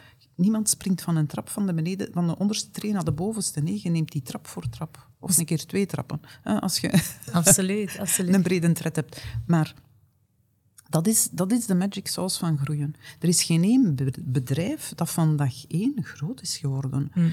Zelfs die niet waar een hoop geld wordt tegenaan gesmeten. Hè. Ja. Zal, ook die niet. Nee, hè. absoluut. Ook absoluut. die niet. Hè. Als we teruggaan naar... ehm, in, in, dat is natuurlijk een beetje de tijd van, eh, van het jaar. In corporate zijn ze met plannen ehm, van 2024. Waren ze daar in september, oktober al strategische meetings Ja. eh, eh, aan, het- aan het houden. En dan zijn dat inderdaad... ehm allee, Jij zult er ongetwijfeld meer marketingplannen hebben gemaakt dan ik in mijn, in mijn eh, iets eh, kortere eh, carrière bij corporates. Ja. Maar ehm, het kwam er wel op neer altijd van, ja, het is jaarplanning, we, gaan, we gaan budgetten, hè, we gaan zaken. Wat gaat je volgend jaar doen Ja. om, het, om het bedrijf te laten, te, te laten groeien? Ik merk dat in de praktijk en als onderneemster dat kwartaaldenken mij wel meer helpt. Ja. Ehm, alleen meer helpt dan eigenlijk nu een jaarplan te gaan Ja. vastbetoneren. Dus het is een beetje de tijd van, de, eh, van het jaar. Tussen Ja. de kerstkalkoen en, het, eh, en, en nieuwjaarschampagne is het... eh een kiriboel in mijn geval nu. maar en, en- en tussen, tussen, tussen kerst en nieuw, hè, reflectiemomenten, dan is dat misschien wel iets wat, dat, wat dat we zeker allemaal moeten mee kunnen nemen. Van, zet dat doel en zet het, zet, pak 1 miljoen vast. Dat is uw richting, dat is uw Noordstar. En van daaruit gaan we eigenlijk kijken van oké, wat, is er, wat is er haalbaar op een kwartaal? Ja. En wat moeten dan op, eh, op een ja, wat moeten dan in januari hebben gedaan? Ja. En wat moeten dan in de eerste week van januari dan eigenlijk doen om... eh, Weet je, is dat, dat miljoen vertalen naar... eh, want ik zag in een van de vragen ook van hoeveel leads zijn dat dan? ja, Ja, dat is waar rekenwerk. Hè? Dat Ja. je zegt van, ik heb hier bijvoorbeeld drie producten of drie diensten hè, Mhm. met een bepaalde prijs. Hoeveel wil ik van elk gaan verkopen om mijn komende kwartaal mijn doelstelling te halen? ja, En dan is gaan denken van, ja, ik, ik moet gemiddeld eh, tien eh, leads in mijn pipe zitten hebben om er ene klant uit te halen. Hè? Dat is wat, wat gaan terugkijken van, hoe doe ik het? Hè? Hoe efficiënt ben ik in mijn conversie? En daarmee kan je aan de slag. Dan kan je zeggen van, ik weet dat ik de komende week zoveel potentiële klanten moet bellen. Ik weet dat ik die twee of drie keer ga moeten terugcontacteren. Dat daar ongeveer drie, vier weken gaan overgaan voordat ik weet, is het een klant geworden of niet, of ik laat het los. ja. Dat is plannen. Maar om dat te doen, uh, om dat te weten, hè, van wat zijn de gemiddelde conversiepercentage, moet het ook wel goed vastpakken. Moet het at ja. some point eens gedaan hebben. Ja. Een keer, een keer ja. Um, ja, spaghetti naar de muur gooien en dan zien of dat het uh, Het wat bijhouden ook. Hè. Meten wat je aan het doen bent, vind ik ook heel belangrijk. Mm -hmm. Dat je niet te veel moet gaan op buikgevoel gaan rijden en zeggen van, ik denk ongeveer dat zo wel. Probeer zoveel mogelijk ook te meten. Uh, als je geen historiek hebt, begin ermee.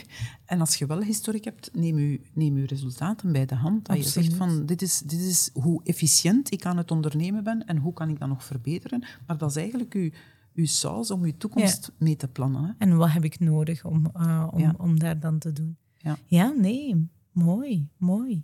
Als je zo eens even je carrière bekijkt, zowel als entrepreneur, dan uiteindelijk met Weetless and More en dan nu ook met Outgrow. Um, wat, is, wat is algemeen het grootste marketinginzicht? Hè? Dan zit het in de marketing. Wat is het grootste marketinginzicht dat je eigenlijk, uh, dat je eigenlijk hebt, um, ja, dat je meeneemt um, ja. so mijn, far? Ja, mijn grootste inzicht is eigenlijk, je kunt heel fel vertrekken vanuit je hoofd en op papier. Zo ga ik het aanpakken? Zo denk ik dat ik een mogelijke klant ga overtuigen. Maar het is de markt die beslist. Alright. En ik ga een, voorbeeld, een concreet voorbeeld geven. Toen ik Witless en More had, en daar ligt eigenlijk de kiem van wat ik nu aan het doen ben. Um, dus ik, ging, ik zat in een uh, groothandel met een B2C-model, online ja. model. In de zin van voor vijf uur bestellen, standaardags beleveren. Mm -hmm. Een grootste voordeel voor een winkel, je moet niet veel voorraad houden. Want als je ziet, mijn rekken zijn hier vrijwel leeg vanavond. Ik bestel voor vijf uur en ik heb morgen een nieuwe levering. En ik ging één keer op bezoek. Eén keer. Niet zoals alle groothandels, elke week, elke twee weken, rekjes gaan goed leggen, nog wat rekken vol dompen met producten. Nee, ik ging maar één keer langs en dan nadien moesten ze online bestellen. Maar als ik langs ging in het begin, door wat ik vertelde en hoe ik het vertelde, kreeg ik geen vraag over mijn producten. Nee, die winkeliers die vroegen mij, kan je een keer kijken naar wat ik hier allemaal in de rekken staan heb? Want ik heb hier zoveel thee staan, maar eigenlijk moet ik er wel zoveel hebben of zoveel granola's. Dus ze vroegen mij raad over hun rekken, wat er in de rekken lag. Ik dacht, ja, dat is een godsgeschenk. In de zin van, ik ga hier vertellen wat de trends zijn, dat soort producten, want ik volgde dat enorm op. Maar ondertussen kreeg ik ook de gelegenheid van, hè, ik heb hier een aanbod, een thee, dit, een granola, dat. Um, maar ik had zoiets van, ik heb mij rot gerekend aan die marges die ik aan een winkelier zou geven om te verdienen op mijn producten. En in die drie jaar Witless and More is er niemand die mij ooit gevraagd heeft naar wat verdien ik op die producten. Oh, zot. Niemand. Ja. Maar wel, ik wil een keer spannen over mijn winkel. Oh, En daar zat eigenlijk dan een beetje de kiem al van wat ik nu aan het doen ben. Want ja. ik deed dat graag. Ik voelde van, ja, daar zit eigenlijk wel mijn hart precies. Van die producten, oké, okay, dat is ook wel leuk om te verkopen. Maar ik ben ook wel graag bezig. Waar ligt je hier? Wat zit er rond u? Welke andere winkels? Hoe kun je een beetje eigenlijk. positioneren? Ja. Oh, cool. Maar wel dagen en dagen gestoken in de berekening van die marges. Hè. Ja. Nou, zouden ze daar wel genoeg mee hebben, moeten we geen 40% geven in de plaats van 35%, want anders gaan we ze niet kunnen overtuigen. Mm -hmm. Geen kat heeft daar ooit naar gevraagd. Niemand. Hoe kunnen wij dat inzicht meenemen in, in ons daily, in ons dagelijkse operations als, als groeiende solopreneur? Voordat je je marketingplan uitschrijft uh, en heel je content maakt, loop waar rond. Praat ja. een keer met mogelijke klanten, vertel al een keer, laat ze feedback geven, laat ze mee nadenken. Ze gaan dat leuk vinden. Ze gaan u helpen. Ze gaan dat leuk vinden. Maar ik voel mij verre. Want mensen worden graag iets gevraagd. Hè. Je plaatst iemand op een pieetstal. Ik kom eigenlijk uw brain een beetje pikken. Absoluut. Dat betekent dat ik naar u opkijk. Want jij, jij gaat het beter weten dan ik. Ja. Dus mensen vinden dat wel leuk. Dus loop rond, vertel en, en ga eens in een gesprek, niet in een verkoopsgesprek, maar gewoon in een gesprek van kijk, dit is wat ik wil aanbieden. Jij bent een mogelijke klant voor mij, maar ik wil hier geen verkoopsgesprek hebben. Maar ik wil een keer vertellen wat ik aan het doen ben of wat ik wil doen. Ja. En ik wil je gedacht daar een keer over. Ik noem dat in mijn, in mijn trainings ook altijd, uh, het, we, gaan, we gaan Trojaans paard spelen. Hè, als ja. dus we gaan eigenlijk binnen met, met, met, met marktonderzoek, hè, of met ja. een op. En, dat, ehm, en we komen terug met een mogelijkheid, Ja. ehm, met een mogelijkheid om, om te zien of dat, eh, ja, of dat daar sales wel mogelijk eh, Ja. zou, eh, zou kunnen zijn. Of dat daar een connectie eigenlijk eh, eh, zou kunnen, ehm, ja, kunnen ontstaan. Ja. Dus het, eh, Ik doe het nu ook. Hè. Ik ben een nieuw programma. ehm, ik ben mijn methode aan het aanleren aan business mentors en business coaches. Aanleren met een groot woord. ja, En dat zijn gesprekken, hè, die eerste dingen. Van eh, hoe doet jij nu een business en hoe zou mijn methode kunnen helpen om uw business te helpen schalen? de max. En daar heb ik al heel veel uit gehaald. En ik kan ik heel veel marketingplannen schrijven en heel allerhande landingspagina's gaan maken met god weet wat op. Ja, En dat gaat niks uitmaken als ik het niet voel. Ik weet waar ik tegenaan loop als business coach en Ja. business mentor. Dat wil niet zeggen dat iedereen daar, daarom daar tegenaan loopt. ik hoor mijn, mijn, mijn klanten wel zeggen van, ja, maar is dat, is dat schaalbaar? Is dat, is dat schaalbaar, daar rondlopen en, en, eh, en vragen? Je moet dat niet blijven doen, want op een gegeven moment gaat je zoiets hebben van, ik heb het door. Ja. Ik ben hier een paar dingen een paar keer tegengekomen. Je moet geen honderden gesprekken hebben, hè, maar kies, ga gericht een gesprek met, afhankelijk van wat je aan het doen bent, een aantal potentiële klanten. Ja, Luister goed wat er gezegd wordt en tweak uw message op basis daarvan, uw content op basis daarvan. een gesprek met een, met een klant of een prospect a day keeps the business doctor away eigenlijk. Ja, ja, Ja. en ook uw als je bestaande klanten hebt, ge- geregeld bevragen van, is er iets dat niet lukt? Eh, kan ik op een andere manier helpen? Eh, wees daar niet te bedeesd voor. Niemand... Ik zeg altijd ook tegen studenten, er is geen ene klant die perfectie verwacht. Geen Nee. ene. Geen ene. Klanten verwachten een oplossing. En als er een keer iets fout loopt, wat altijd kan gebeuren, willen ze dat hetgeen fout loopt het probleem wordt van de verkoper, niet van u als klant. Want als dat uw probleem wordt, dan je het probleem. Ja. Ja. dan zijn echt niet tevreden. En als je die landmijnen ook kunt benoemen voor hen Ja. en hen daarvoor behoeden, dan zijn ze ook super, eh, super hard, eh, hard dankbaar. Ja. Kunnen wij concluderen dat we eigenlijk een beetje vanuit, ja, vanuit die shift van ja, die evangeliemarketing, waar dat socials misschien ook voor een stuk mee overspoeld worden, van eh en ik weet het beter, nee, ik weet het beter en het is zo dat je het moet doen en het is zo dat, moet doen, dat wij meer, minder gaan praten en meer gaan luisteren naar elkaar Ja. of zo. Toch wel. Eh, verkopen is, de basis van verkopen is eigenlijk goed luisteren, zegt men altijd. Hè. Eh, en het is voor een stuk ook zo, natuurlijk, je moet je verhaal op een gegeven moment ook brengen. Hè, want als je alleen maar luistert, dan Ja. gebeurt er ook niks. Ehm, maar het, het, het, het moeilijke van... eh, marketing is eigenlijk in C niet veranderd. Hè. Nee. Dat is even oud, hè. dat is niet veranderd. De basis van marketing, alleen wat is er veranderd? Het aanbod is groter geworden. En de technologie is veranderd. Hè. We vliegen minder blind. Ik ko- Ik kom uit de pre-internet-tijdperk als marketeer. Ik kan u zeggen, toen marketing doen voor internet, voor socials, voor e-mail, dat was blind vliegen. Nu vliegen we minder blind. Waardoor vliegen we soms nog wat blind, we hebben te veel data. hè. We vinden onze weg niet meer in de data. Maar de basis is niet veranderd. Het moeilijke voor een ondernemer is nu te blijven beseffen, en ik heb het onlangs gehoord en ik vind het prachtig verwoord, we zijn wat vergeten in marketing, dat we nog altijd aan het praten zijn met een ander human beating heart. Ja. Want we denken heel vaak dat mensen rationele beslissingen nemen als ze kopen. Nee, nee. We zijn nog altijd aan het praten met mensen. En dat gesprek hebben en durven hebben en vanuit een gelijkwaardige positie, dat is de basis van heel succesvolle business, vind ik. Niet van, ik heb hier alle wijsheid in pacht en ik ga u een keer komen zeggen hoe dat je het moet doen. Nee, we gaan eens op gelijke basis gaan praten. Hoe kun jij beter worden van mij? Niet hoe ga, hoe ga ik beter worden van? Nee, hoe kunt jij beter worden van mij? You marketing, hè? Amen. Amen. Ja.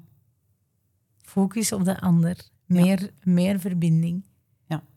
En ik denk ook dat, dat als we dat dan samenhangen bij drijfveer om meer impact te maken, dat dat de shortcut is naar impact. Het lijkt misschien niet zo, omdat, het niet, eh, om, omdat dat iets organisch is en in een techno hypertechnologische wereld van ChatGPT. Maar die ChatGPT-post, ja, laat ons eerlijk zijn, we halen die er zo uit. Absoluut. I don't care for Me Too content. Als er morgen iemand anders passeert, een Ja. branding-expert die exact hetzelfde zegt, there, done, Ja. done that. En Heb ik gezien, heb ik voorbij gescrolld, for good reasons. Ja.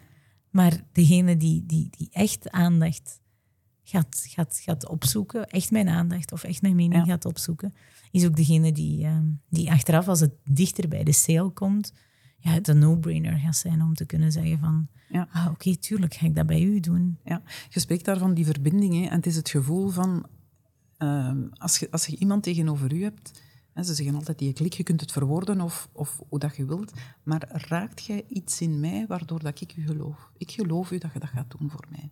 Ja. Ik geloof u. Jij vertelt dat en je zegt, je kunt dat authentiek noemen, je kunt het al allerlei termen opkleven, maar het gaat erover, heb ik vertrouwen in u, geloof ik u dat jij dat voor mij gaat doen.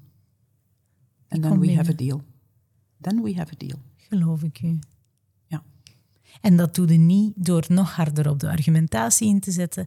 Dat doe je door, door even goed te luisteren en in te pikken op, uh, op, uh, op, op, op, op, zaken die je ook gehoord hebt. En ja, tonen dat je, begrip, dat je begrijpt waar dat die wat dat uw klant vaker ligt eigenlijk. Hè? Dat lijkt mij iets wat ik aan het doen ben. Hè, in, in deze categorie, in, in solopreneur op weg naar klein maar gedreven. Kan dat ook op een... Hoe, hoe doe je dat op een schaal van 1 miljoen? Ik denk niet dat dat zoveel verandert. Het, het enige verschil is, um, naarmate dat je groeit en dat je mensen meetrekt in je verhaal, dat je tijd besteedt aan die mensen mee te trekken. Hè. Uw rol verandert. Waar dat je in het begin alleen jezelf moet voortrekken en misschien wat freelancers die ja. on the side mee aan de kar duwen. Op een gegeven moment heb je ja, een squad, een team, die je zo goed mogelijk moet overtuigen dat waar jullie mee bezig zijn, dat dat impact maakt op klanten dat, puur commercieel of, of ruimer in, in de maatschappij. Ik geloof niet meer in, in puur commercieel business doen. Mhm. you're doing good while you're doing business. Uh, dat moet uw missie zijn. Maar je bent wel commercieel bezig, je moet winst maken, anders blijf je niet bestaan. Maar uw taak verandert naar, ik trek die ploeg mee. Ik, als je uw leiders, en vandaar dat ik ondernemers ook dat ik er zo op hamer, gaat in uw leiderspositie zitten. Ook al zijt je alleen je zijt een bedrijfsleider. Ja. Ook al zijt je nog maar alleen of stuurt je een paar mensen rond u aan, je leidt een bedrijf. En dat blijft zo. En hoe meer mensen dat je rond u krijgt, hoe meer dat je gaat tijd moeten besteden aan die mee te trekken in uw verhaal. Die willen ook geïnspireerd worden. Die willen u ook geloven als leider. En zeggen, ik geloof in uw verhaal. Veronica, ik ga mee, ik ga er mee aan duwen, ik ga er mee voor werken. Dat is wat verandert. En daarvoor moet je ook andere dingen loslaten, want je gaat daar tijd moeten aan besteden. En soms oh, hebben ondernemers het gevoel van, ja, ik wil daar eigenlijk niet mee bezig zijn. En nog met mensen en, en, en dan, ja, mensen en die vallen uit, die zijn ziek, die zijn dit, die zijn dat. Maar uw taak wordt om die zo goed mogelijk gemotiveerd te houden.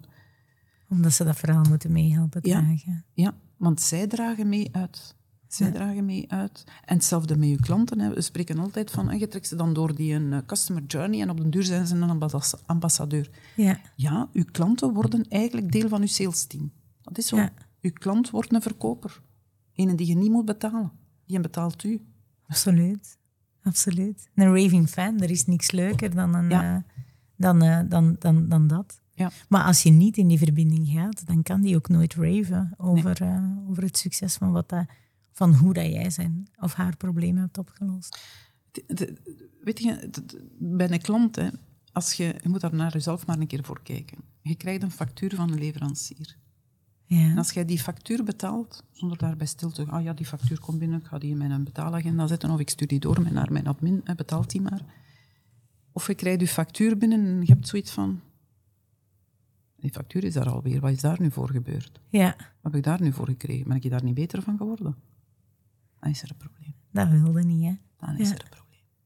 Ik wil die factuur zijn die iemand in zijn inbox komt die zegt van die betaal ik met plezier zijn, want ik ben daar beter van geworden. Mm Dat is heel concreet. Hè? Kun je actief iets, iets doen om daar meer nadruk op te, op te, op, op, uh, op te leggen? Of uh, bepaalde verbindende vragen die je kunt stellen aan je, aan uw klant? Het lijkt mij wel een, een moeilijk om, om die even op te bellen en te zeggen, zeg, wat, wat, zou er, wat zou er maken dat jij liever mijn factuur gaat betalen volgende maand? Eigenlijk, eigenlijk zou je dan niet moeten vragen. Zou je moeten weten van, ik weet dat mijn waarde, de waarde want het is de exchange of value. Hè? Ja. Het is de, de, waarde die ik geef aan die klant, weet ik dat die eigenlijk meer waard is dan wat ik daarvoor vraag. Want ik weet dat die daarmee van alles bereikt, kan doen, zijn een business of haar een business beter krijgt, gewoon omdat ik dat doe. En ik vraag een fractie. Mm dat die, als ik coaching doe, dan zeg ik altijd tegen ondernemers van kijk, je gaat mij betalen en binnen twaalf maanden komt je bij mij terug. Ja. En als je geen extra omzet hebt gedraaid, dat is zeer concreet, hè, extra omzet hebt gedraaid door mijn passage, dan krijg je van mij je geld terug. Ja. En ik meen dat ook. Hè. Dan krijg je van mij je geld terug, want dan heb ik mijn job niet goed gedaan. Nee, klopt.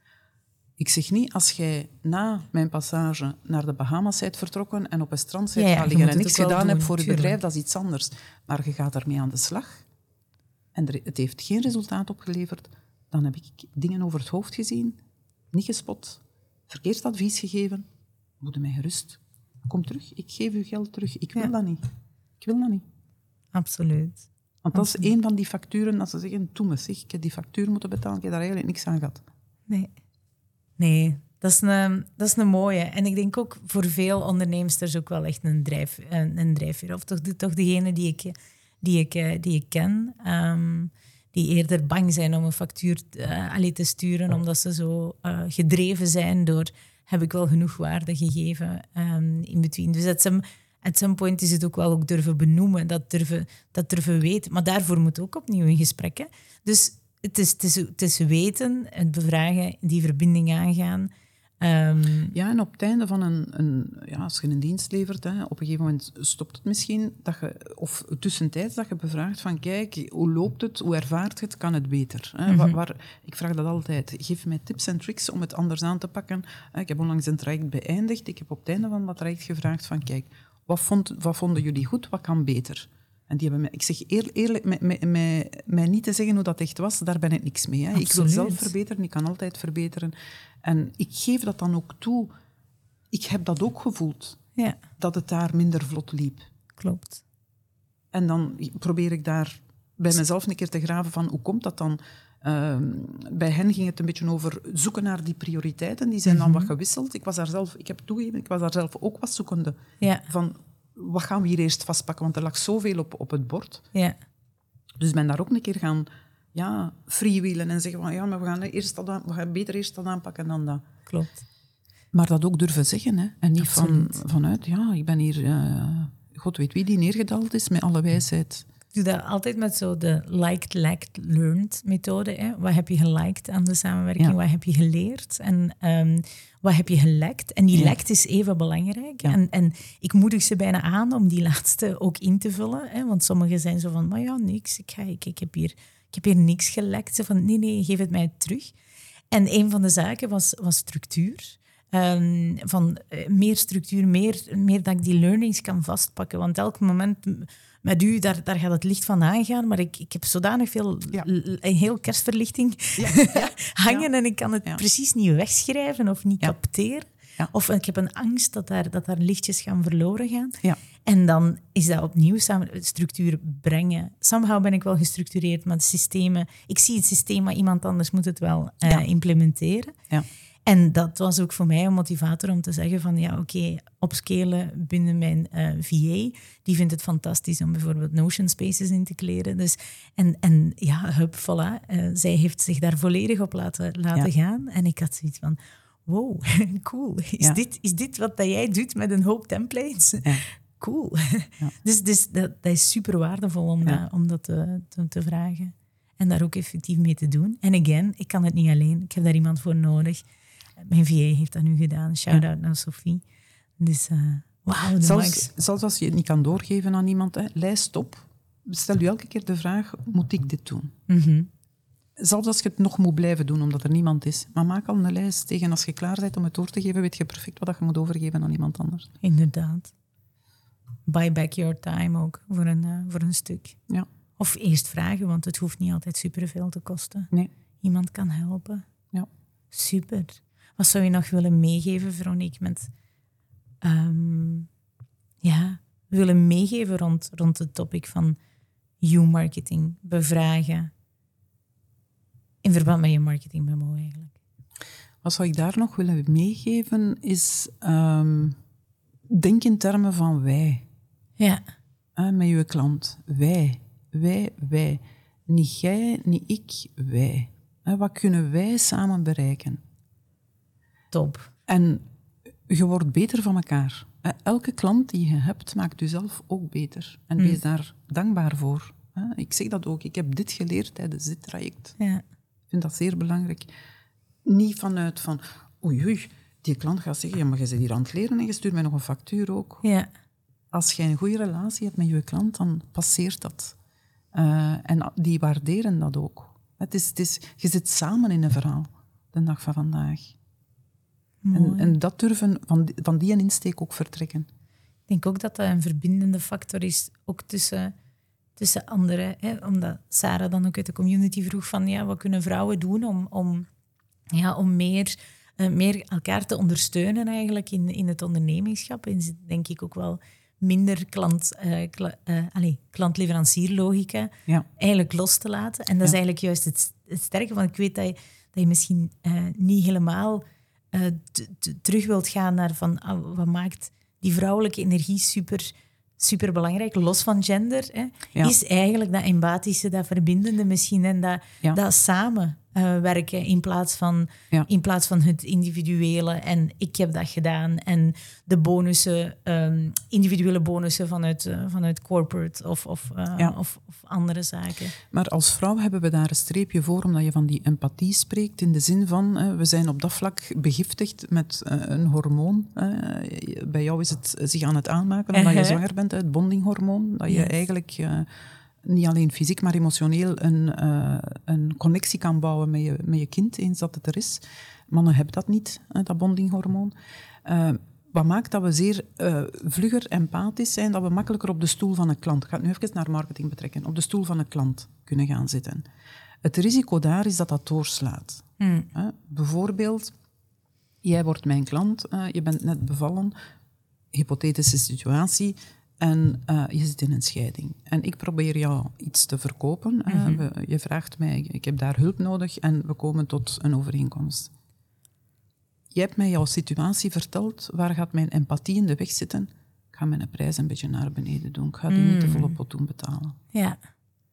Ja, herkenbaar. Ja. Ik voel me betrapt. Ja, dat is de empathie die in de weg gaat zitten. Hè? Die eh, die bekommernis, dat meeleven, dat empathisch gevoel, dat gaat zeggen van, ja, hier kan ik niet voluit gaan in mijn prijszetting, dat kan ik echt niet maken. Hoe los we dat ik, op? Ik voel met je mee. Ja. Je moet dat tegenhouden, ja. vind ik. Je moet je prijszetting... Uh, we hebben als vrouw al de neiging om, om te underpricen, om te mhm. weinig te vragen. Um, ik vind dat je dat moet tegenhouden. Dat je moet zeggen van, kijk, hier, ik vraag gewoon de waarde die ik gekleefd heb op wat ik aanbied. Mhm. En ik ben die ook waard. Maar ik heb jou gehoord. Hè? En ik kan daar ook wel rekening mee houden in onze samenwerking. Ja. Misschien een extra, extra inspanning doen om meer naar jou te komen dan jij naar mij. Want ik weet dat je met een baby zit. Je kan dat op andere manieren compenseren. Ja, wat heb je nodig om... om... But stick to your pricing. Ja, ja. dat is wel een, uh, is wel een belangrijke. Die ga, ik, uh, die ga ik ook zeker meenemen. Ja, eigenlijk is het ook een stuk naar, naar, naar pricing toe, ook, ook kunnen loslaten. Again, eh, me-market, it's not about you, die prijs. Die prijs is wat dat jouw onderneming, niet gelijk aan jou, niet gelijk aan jezelf, wat dat jouw onderneming nodig heeft om een bepaalde service te kunnen, uh, te, te kunnen bieden. Om dat heel goed te beseffen, dat die prijs niks met jou te maken heeft. Nee. Uh, maar je hebt wel de verantwoordelijkheid om, om bepaalde, allez, om, om je servicekost degelijk te houden. Hè. Er zijn, Absoluut. Er circuleren binnen coachingwereld megalomane uh, prijssettingsstrategieën dat kunnen we nog in het midden laten, maar ergens, you owe it to the market om de juiste prijszetting te maken. You owe it to yourself en de continuïteit van je onderneming. Van underpricing wordt niemand gelukkig. Hè? Jij niet in eerste instantie, omdat je gefrustreerd geraakt. Um, maar het gaat ook niet alleen over je prijszetting. Het gaat over wat breng jij teweeg bij die klant die je helpt. Hoe mhm. wordt die er beter van? Hoe wordt die er beter van? Moeten wij dat nu wel of niet invullen voor die, men, uh, voor die mensen? Ik vind dat je bij je prijszetting daar rekening moet mee houden. Ja. En je zegt van uh, welke kostenbesparing lever ik op voor een klant, welke opbrengstverhoging lever ik op voor een klant, ja. of welke happy feeling creëer ik bij een klant. Ah, als je en wat is er voor hem of haar belangrijk? Op als je in hospitality zit of, of, of, of je verkoopt producten om een interieur op te leuken, dan breng jij een happy feeling, een voldaan gevoel bij iemand binnen. Absoluut. Er is onlangs een, een, een grappig onderzoek ehm, uh, gebeurt. Ik ga er ook naar doorverwijzen in, in de show notes. Maar er is dus uh, binnen bepaalde, ik denk sowieso dat het in Dubai of Abu Dhabi is, want daar is de place for, for such things, is er een, een um, steakrestaurant waar een steak tot 12.000 euro kan, uh, kan, kan kosten omdat, niet omdat het effectief 12.000 euro waard is, maar omdat um, ja, de, de rijke oligarchen die daar naartoe gaan, eigenlijk, um, ja, het moment dat je geld uitgeeft, dat doet een beetje pijn. Dat is een bepaalde sensatie die, die, um, die, uh, die, die, uh, ja, die je ervaart. en dat is een leuke sensatie. En mensen met superveel geld, die oligarchen, die waren dat een beetje kwijt, die sensatie van hoe voelt dat eigenlijk om oncomfortabel veel geld uit te geven. En daarom zijn er dus services gebouwd om die, men, die megalomaan veel geld vragen voor een steek. Zodat die oligarch nog eens even voelt hoe dat het is om een mens van vlees en bloed te zijn. Not kidding. Ik ga, die, ehm, ik ga dat door, doorlinken. Dus heel de, restaurant, heel de restaurant experience en die storytelling is ook gebouwd op, um, op wat, wat als je wel nog eens kon, kon voelen hoe, hoe het is voor de gewone mens, bij wijze van spreken, om, om op restaurant te gaan. Dus, dus het is niet aan ons om in te vullen nee. voor die klant wat dat, die beleving, die service, die experience hen waard is. Dat daar komt het op neer. de boodschap is daar ook altijd die ik meegeef. Hè, jij maakt jouw rekeningen en een klant is een volwassen persoon die maakt zijn of haar rekeningen. Die moet jij niet maken. Hè. Kan die zich mijn aanbod wel permitteren? Dat is een vraag waar jij niet moet van wakker liggen. Die klant gaat dat wel aangeven. Als jij een prijs laat vallen, gaat die zeggen: het is oké, past niet binnen mijn budget. En dan kan je in gesprek gaan om te zeggen, ik kan misschien wat terugschalen in de tijd die ik besteed, hè, maar niet in mijn prijs, maar wel in de tijd die ik besteed als je diensten hebt. Geef altijd bonus, ook nooit korting. Ja, voilà. Ehm, dus dan kan je in gesprek gaan, of, of die klant haakt gewoon af en zegt, nee, nou, nou, nou, dan gaan we niet in zee. Uh, en dan is dat ook niet jouw klant. Mhm, mhm. Dan is dat niet jouw klant. En daar moet je kunnen mee leven. Je moet zelf durven afhaken. Mhm. En niet gaan lager gaan liggen om te zeggen, ik wil die toch binnenhalen. Ook al heb je zo'n rekening die zit te lonken van ik wil wat cash. Mm. Want dat, dat levert alleen maar frustraties op en dat is een opportunity cost. Als je iemand te goedkoop gaat servicen, Absoluut. dan ja, hypothekeer je tijd die je kan besteden aan iemand die wel bereid is om je tarief te betalen of je, je kost, je prijs te betalen. Een van je zaken eh, die je ook eh, pleit, voor pleit in je boek is een raad van advies. Ja. Is dat ehm, als die bankrekening ook zo wat veel longt. Want soms vind ik het echt een, een burden als onderneemster die alleen is op dit moment. Um, op een paar freelancers na, uh, alleen die beslissingen neemt, hè, uh, soms een moeilijke. Hè, want als, als de, de, de lokroep van, een, van, ja. een, van die bankrekening, uh, ja. die, die, die dringend op zoek is naar cashflow, naar, naar cashflow te luid roept of te hard roept, dan, dan dreig, ja, durven wij dan misschien ja, andere beslissingen te nemen die misschien niet gunstig zijn voor ons. Of somehow onszelf te saboteren door de beslissing die we maken. Um, en hoe, en een board of, of advisors, denk ik dan, is misschien iemand, um, ja, dat, dat, dat kun je je vraag naar, naar, naartoe richten, ja. om ervoor te zorgen dat je, dat je misschien wel de, keu, de juiste keuze maakt daar. Een bord van, het voordeel van een raad van advies vond ik, maar het had ook een, een keerzijde, vond ik. Uh, het voordeel van een raad van advies is inderdaad, je kan de vragen waarmee je rondloopt, de prangende vragen daar even op tafel leggen en zij gaan jou wat sturing geven. Hè. Dat kan je bekijken, zo kan je het bekijken, dat heb je misschien over het hoofd gezien. Ik ga je in contact brengen met iemand die wat kan helpen.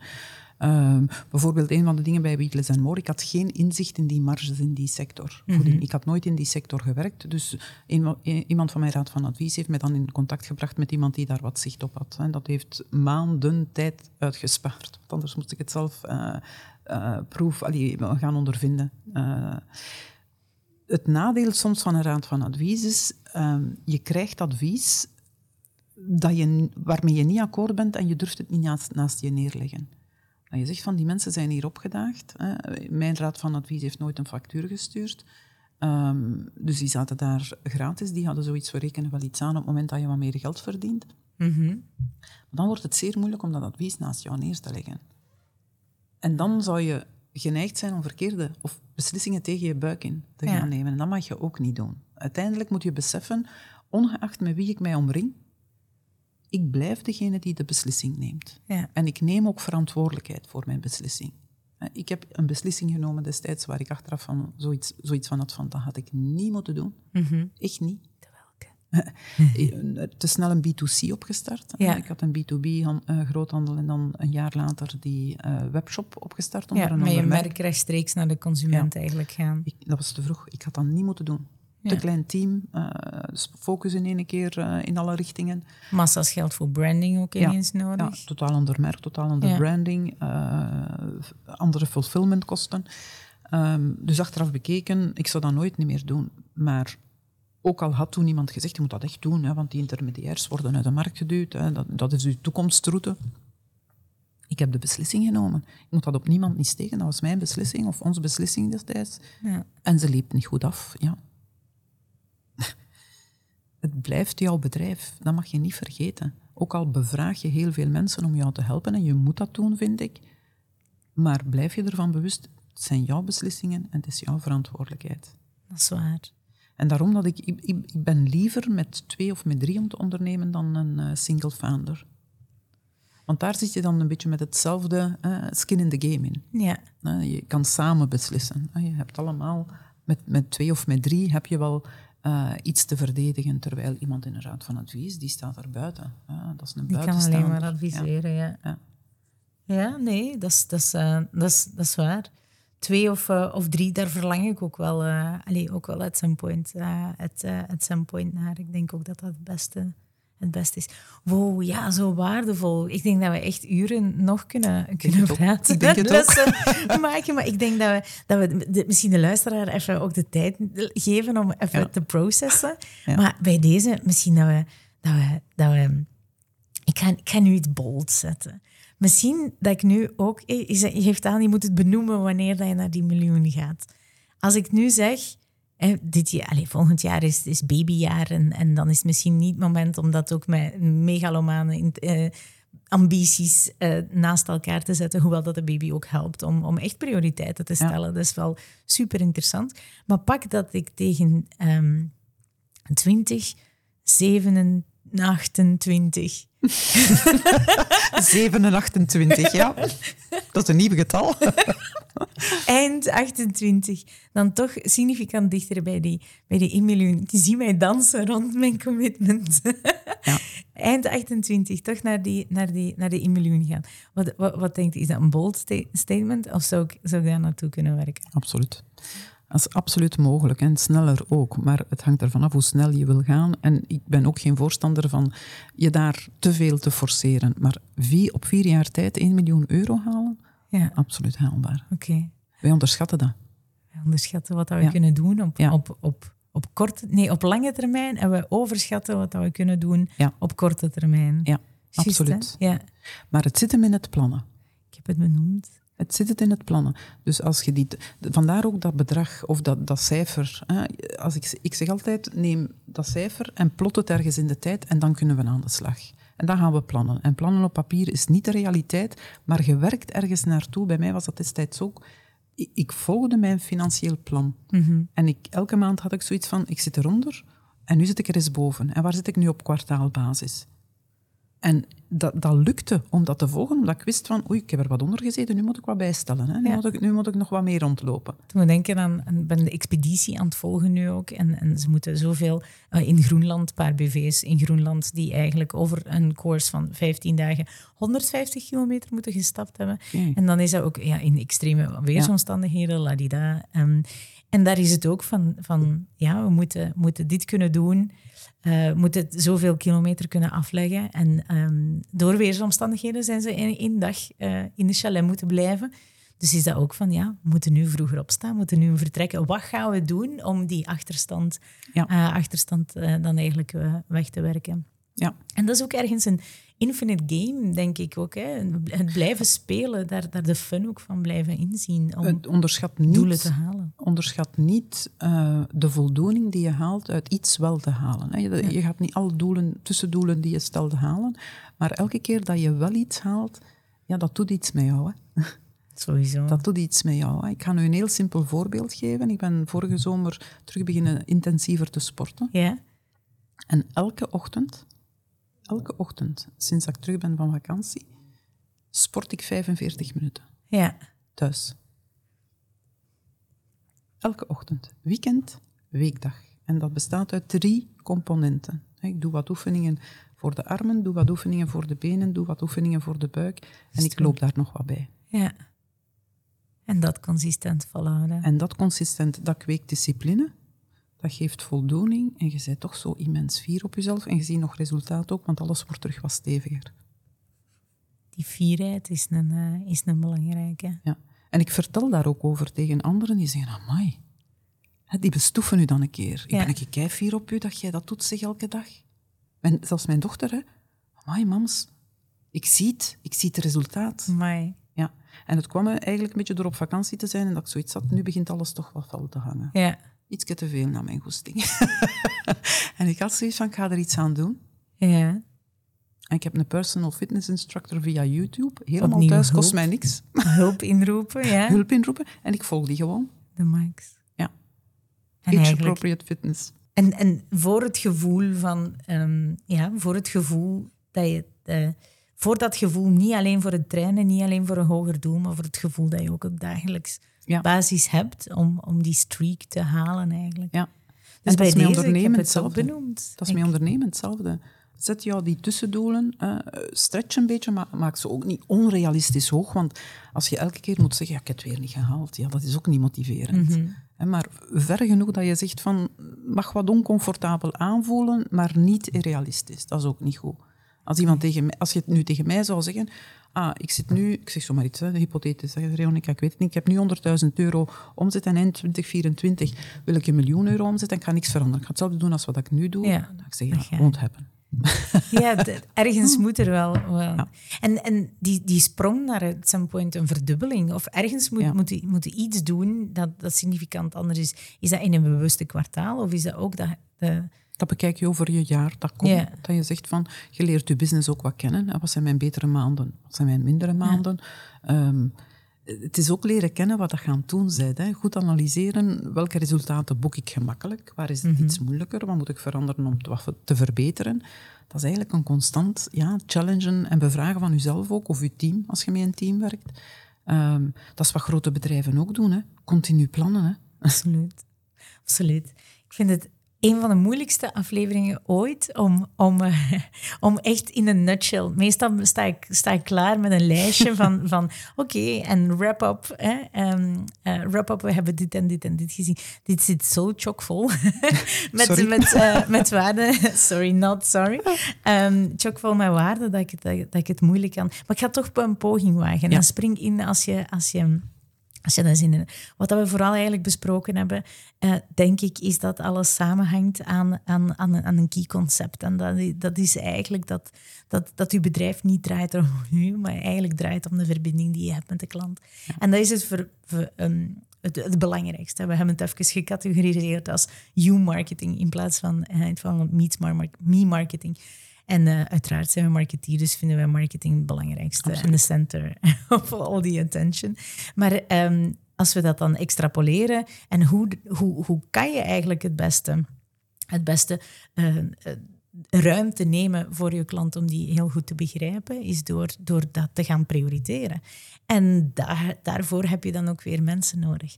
Uh, en moet je soms iets, iets uitbesteden, of je moet juist niks. Hè? Uh, ja. Maar mag je ook dingen, uh, dingen uitbesteden die jou gaan helpen om nog meer met die voelsprieten dichter bij de ideale klant te komen.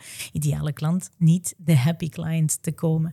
En, um, en, en door dat met andere vrouwen ook wel specifiek te, te doen, kunnen wij onze superpower van empathie eigenlijk extra gaan inzetten. want daar, daar, daar zijn we mee gezegend. En dat is een, dat is een superpower die we zeker mogen gebruiken. Um, door samen met elkaar verbindingen aan te gaan en elkaar ook te helpen. Want dat is eigenlijk waar dat verkopen om draait, is elkaar helpen. Ja. Want jij hebt een probleem en ik heb een oplossing. Absoluut. En daar, en daar kunnen we elkaar in helpen. En als we dat dan ook nog um, opkappen in... Um, per kwartaal, maar liefst ook nog daarna per maand, per week en eigenlijk op, op, op, op daily basis, ja. gaan we eigenlijk stilletjes aan richting, uh, richting dat doel.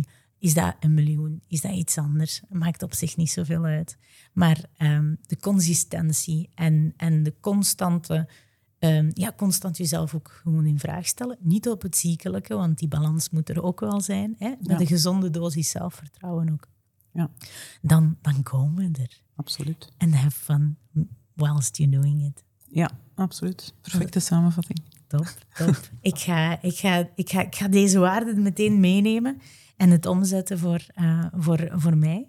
En ik zie je ergens voor uh, 2028 uh, dan, dan terug. Ik heb het genoteerd. Om, mijn, om, om de progressie van mijn plannen ook wel te, de, te delen. En dan hoop ik jou ook eens te zien terugkomen. Absoluut, met, veel plezier. Dank je wel. Dank je wel. Mochten um, de boeken die we benoemd hebben, de, de, de zaken die we benoemd hebben, um, we kunnen Veronique daar um, ja, kan je zeker ook in de show notes terugvinden. Veronique, nog een belangrijke vraag. Wat staat er, wat staat er in 2024 uh, bij jou op de, op, de, op de planning? Ik heb het benoemd. 2028 uh, kom ik met mijn miljoen aandraven. Ja. Uh, maar, maar wat zijn jouw plannen? En waar kunnen de mensen jou ook vinden om die plannen op de voet te volgen? Eigenlijk twee grote plannen uh, voor 2024. Mijn tweede boek uh, is, staat in de stijgers. Uh, en dat gaat over, dat is een, eigenlijk een, aansluit, een, een, aansluiting op wat ik al geschreven heb. Maar het gaat over een vermogensgids. Het eerste was een groeigids voor vrouwelijke ondernemers. Het tweede wordt een vermogensgids voor vrouwelijke ondernemers. Met twee luiken, zowel wat inzoomend op de financiering van hun onderneming, maar daarnaast ook het opbouwen van een persoonlijk vermogen. Uh, ja, van 1 miljoen euro. Dat gaat sneller dan een bedrijf uh, op te bouwen met een omzet van 1 miljoen euro. Dat is de truc.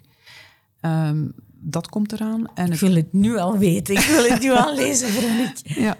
En het tweede is, uh, dus ik ben nu, ik heb een programma om business coaches, business mentoren uh, met mijn methode aan de slag te helpen. Uh, mijn focus gaat wat shiften van het begeleiden van ondernemers naar het begeleiden van coaches en mentoren om hun business succesvol te maken. En daarvan, daarvoor kan je eigenlijk alle informatie vinden op onemillionmentor.be. En one wordt één geschreven, 1 millionmentor.be. Daar vind je alle informatie. Mentor.be, oké, okay, alle daarheen. Ja. Super interessant.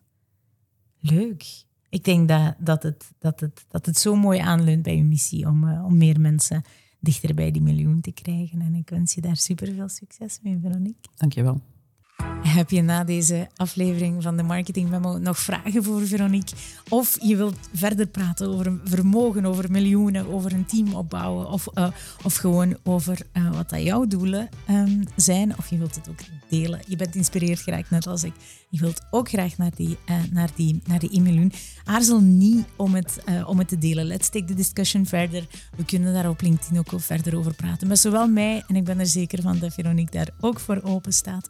Um, om, uh, let's take discussion there. Want ik denk dat wij allemaal, um, allemaal superveel baat zouden hebben bij, bij meer verbinding. Ik hoop dat, dat, dat ik jullie volgend jaar ook, met een klein intermezzo natuurlijk, nog verder kan blijven boeien met een leuke aflevering. Wilde ergens over praten? Zit er iets op je, op je, op je, op je podcastmaag? Wil je het graag met mij over delen? Het, is, het zou superleuk zijn om in, connectie te komen en verder te horen. Het is een van de eerste afleveringen waarbij dat ik ook effectief vragen uit de community heb kunnen, kunnen stellen en durven stellen. tot nu toe heb ik jullie nog niet durven, uh, heb ik jou nog niet durven betrekken bij het creatieproces van een, uh, van een interview. Maar nu wel en het is superleuk. Uh, dus mocht je daar nog, uh, nog verder zin in hebben. Laat het mij ook zeker weten wat je ervan vond. Tot de volgende keer, tot volgend jaar. Merci.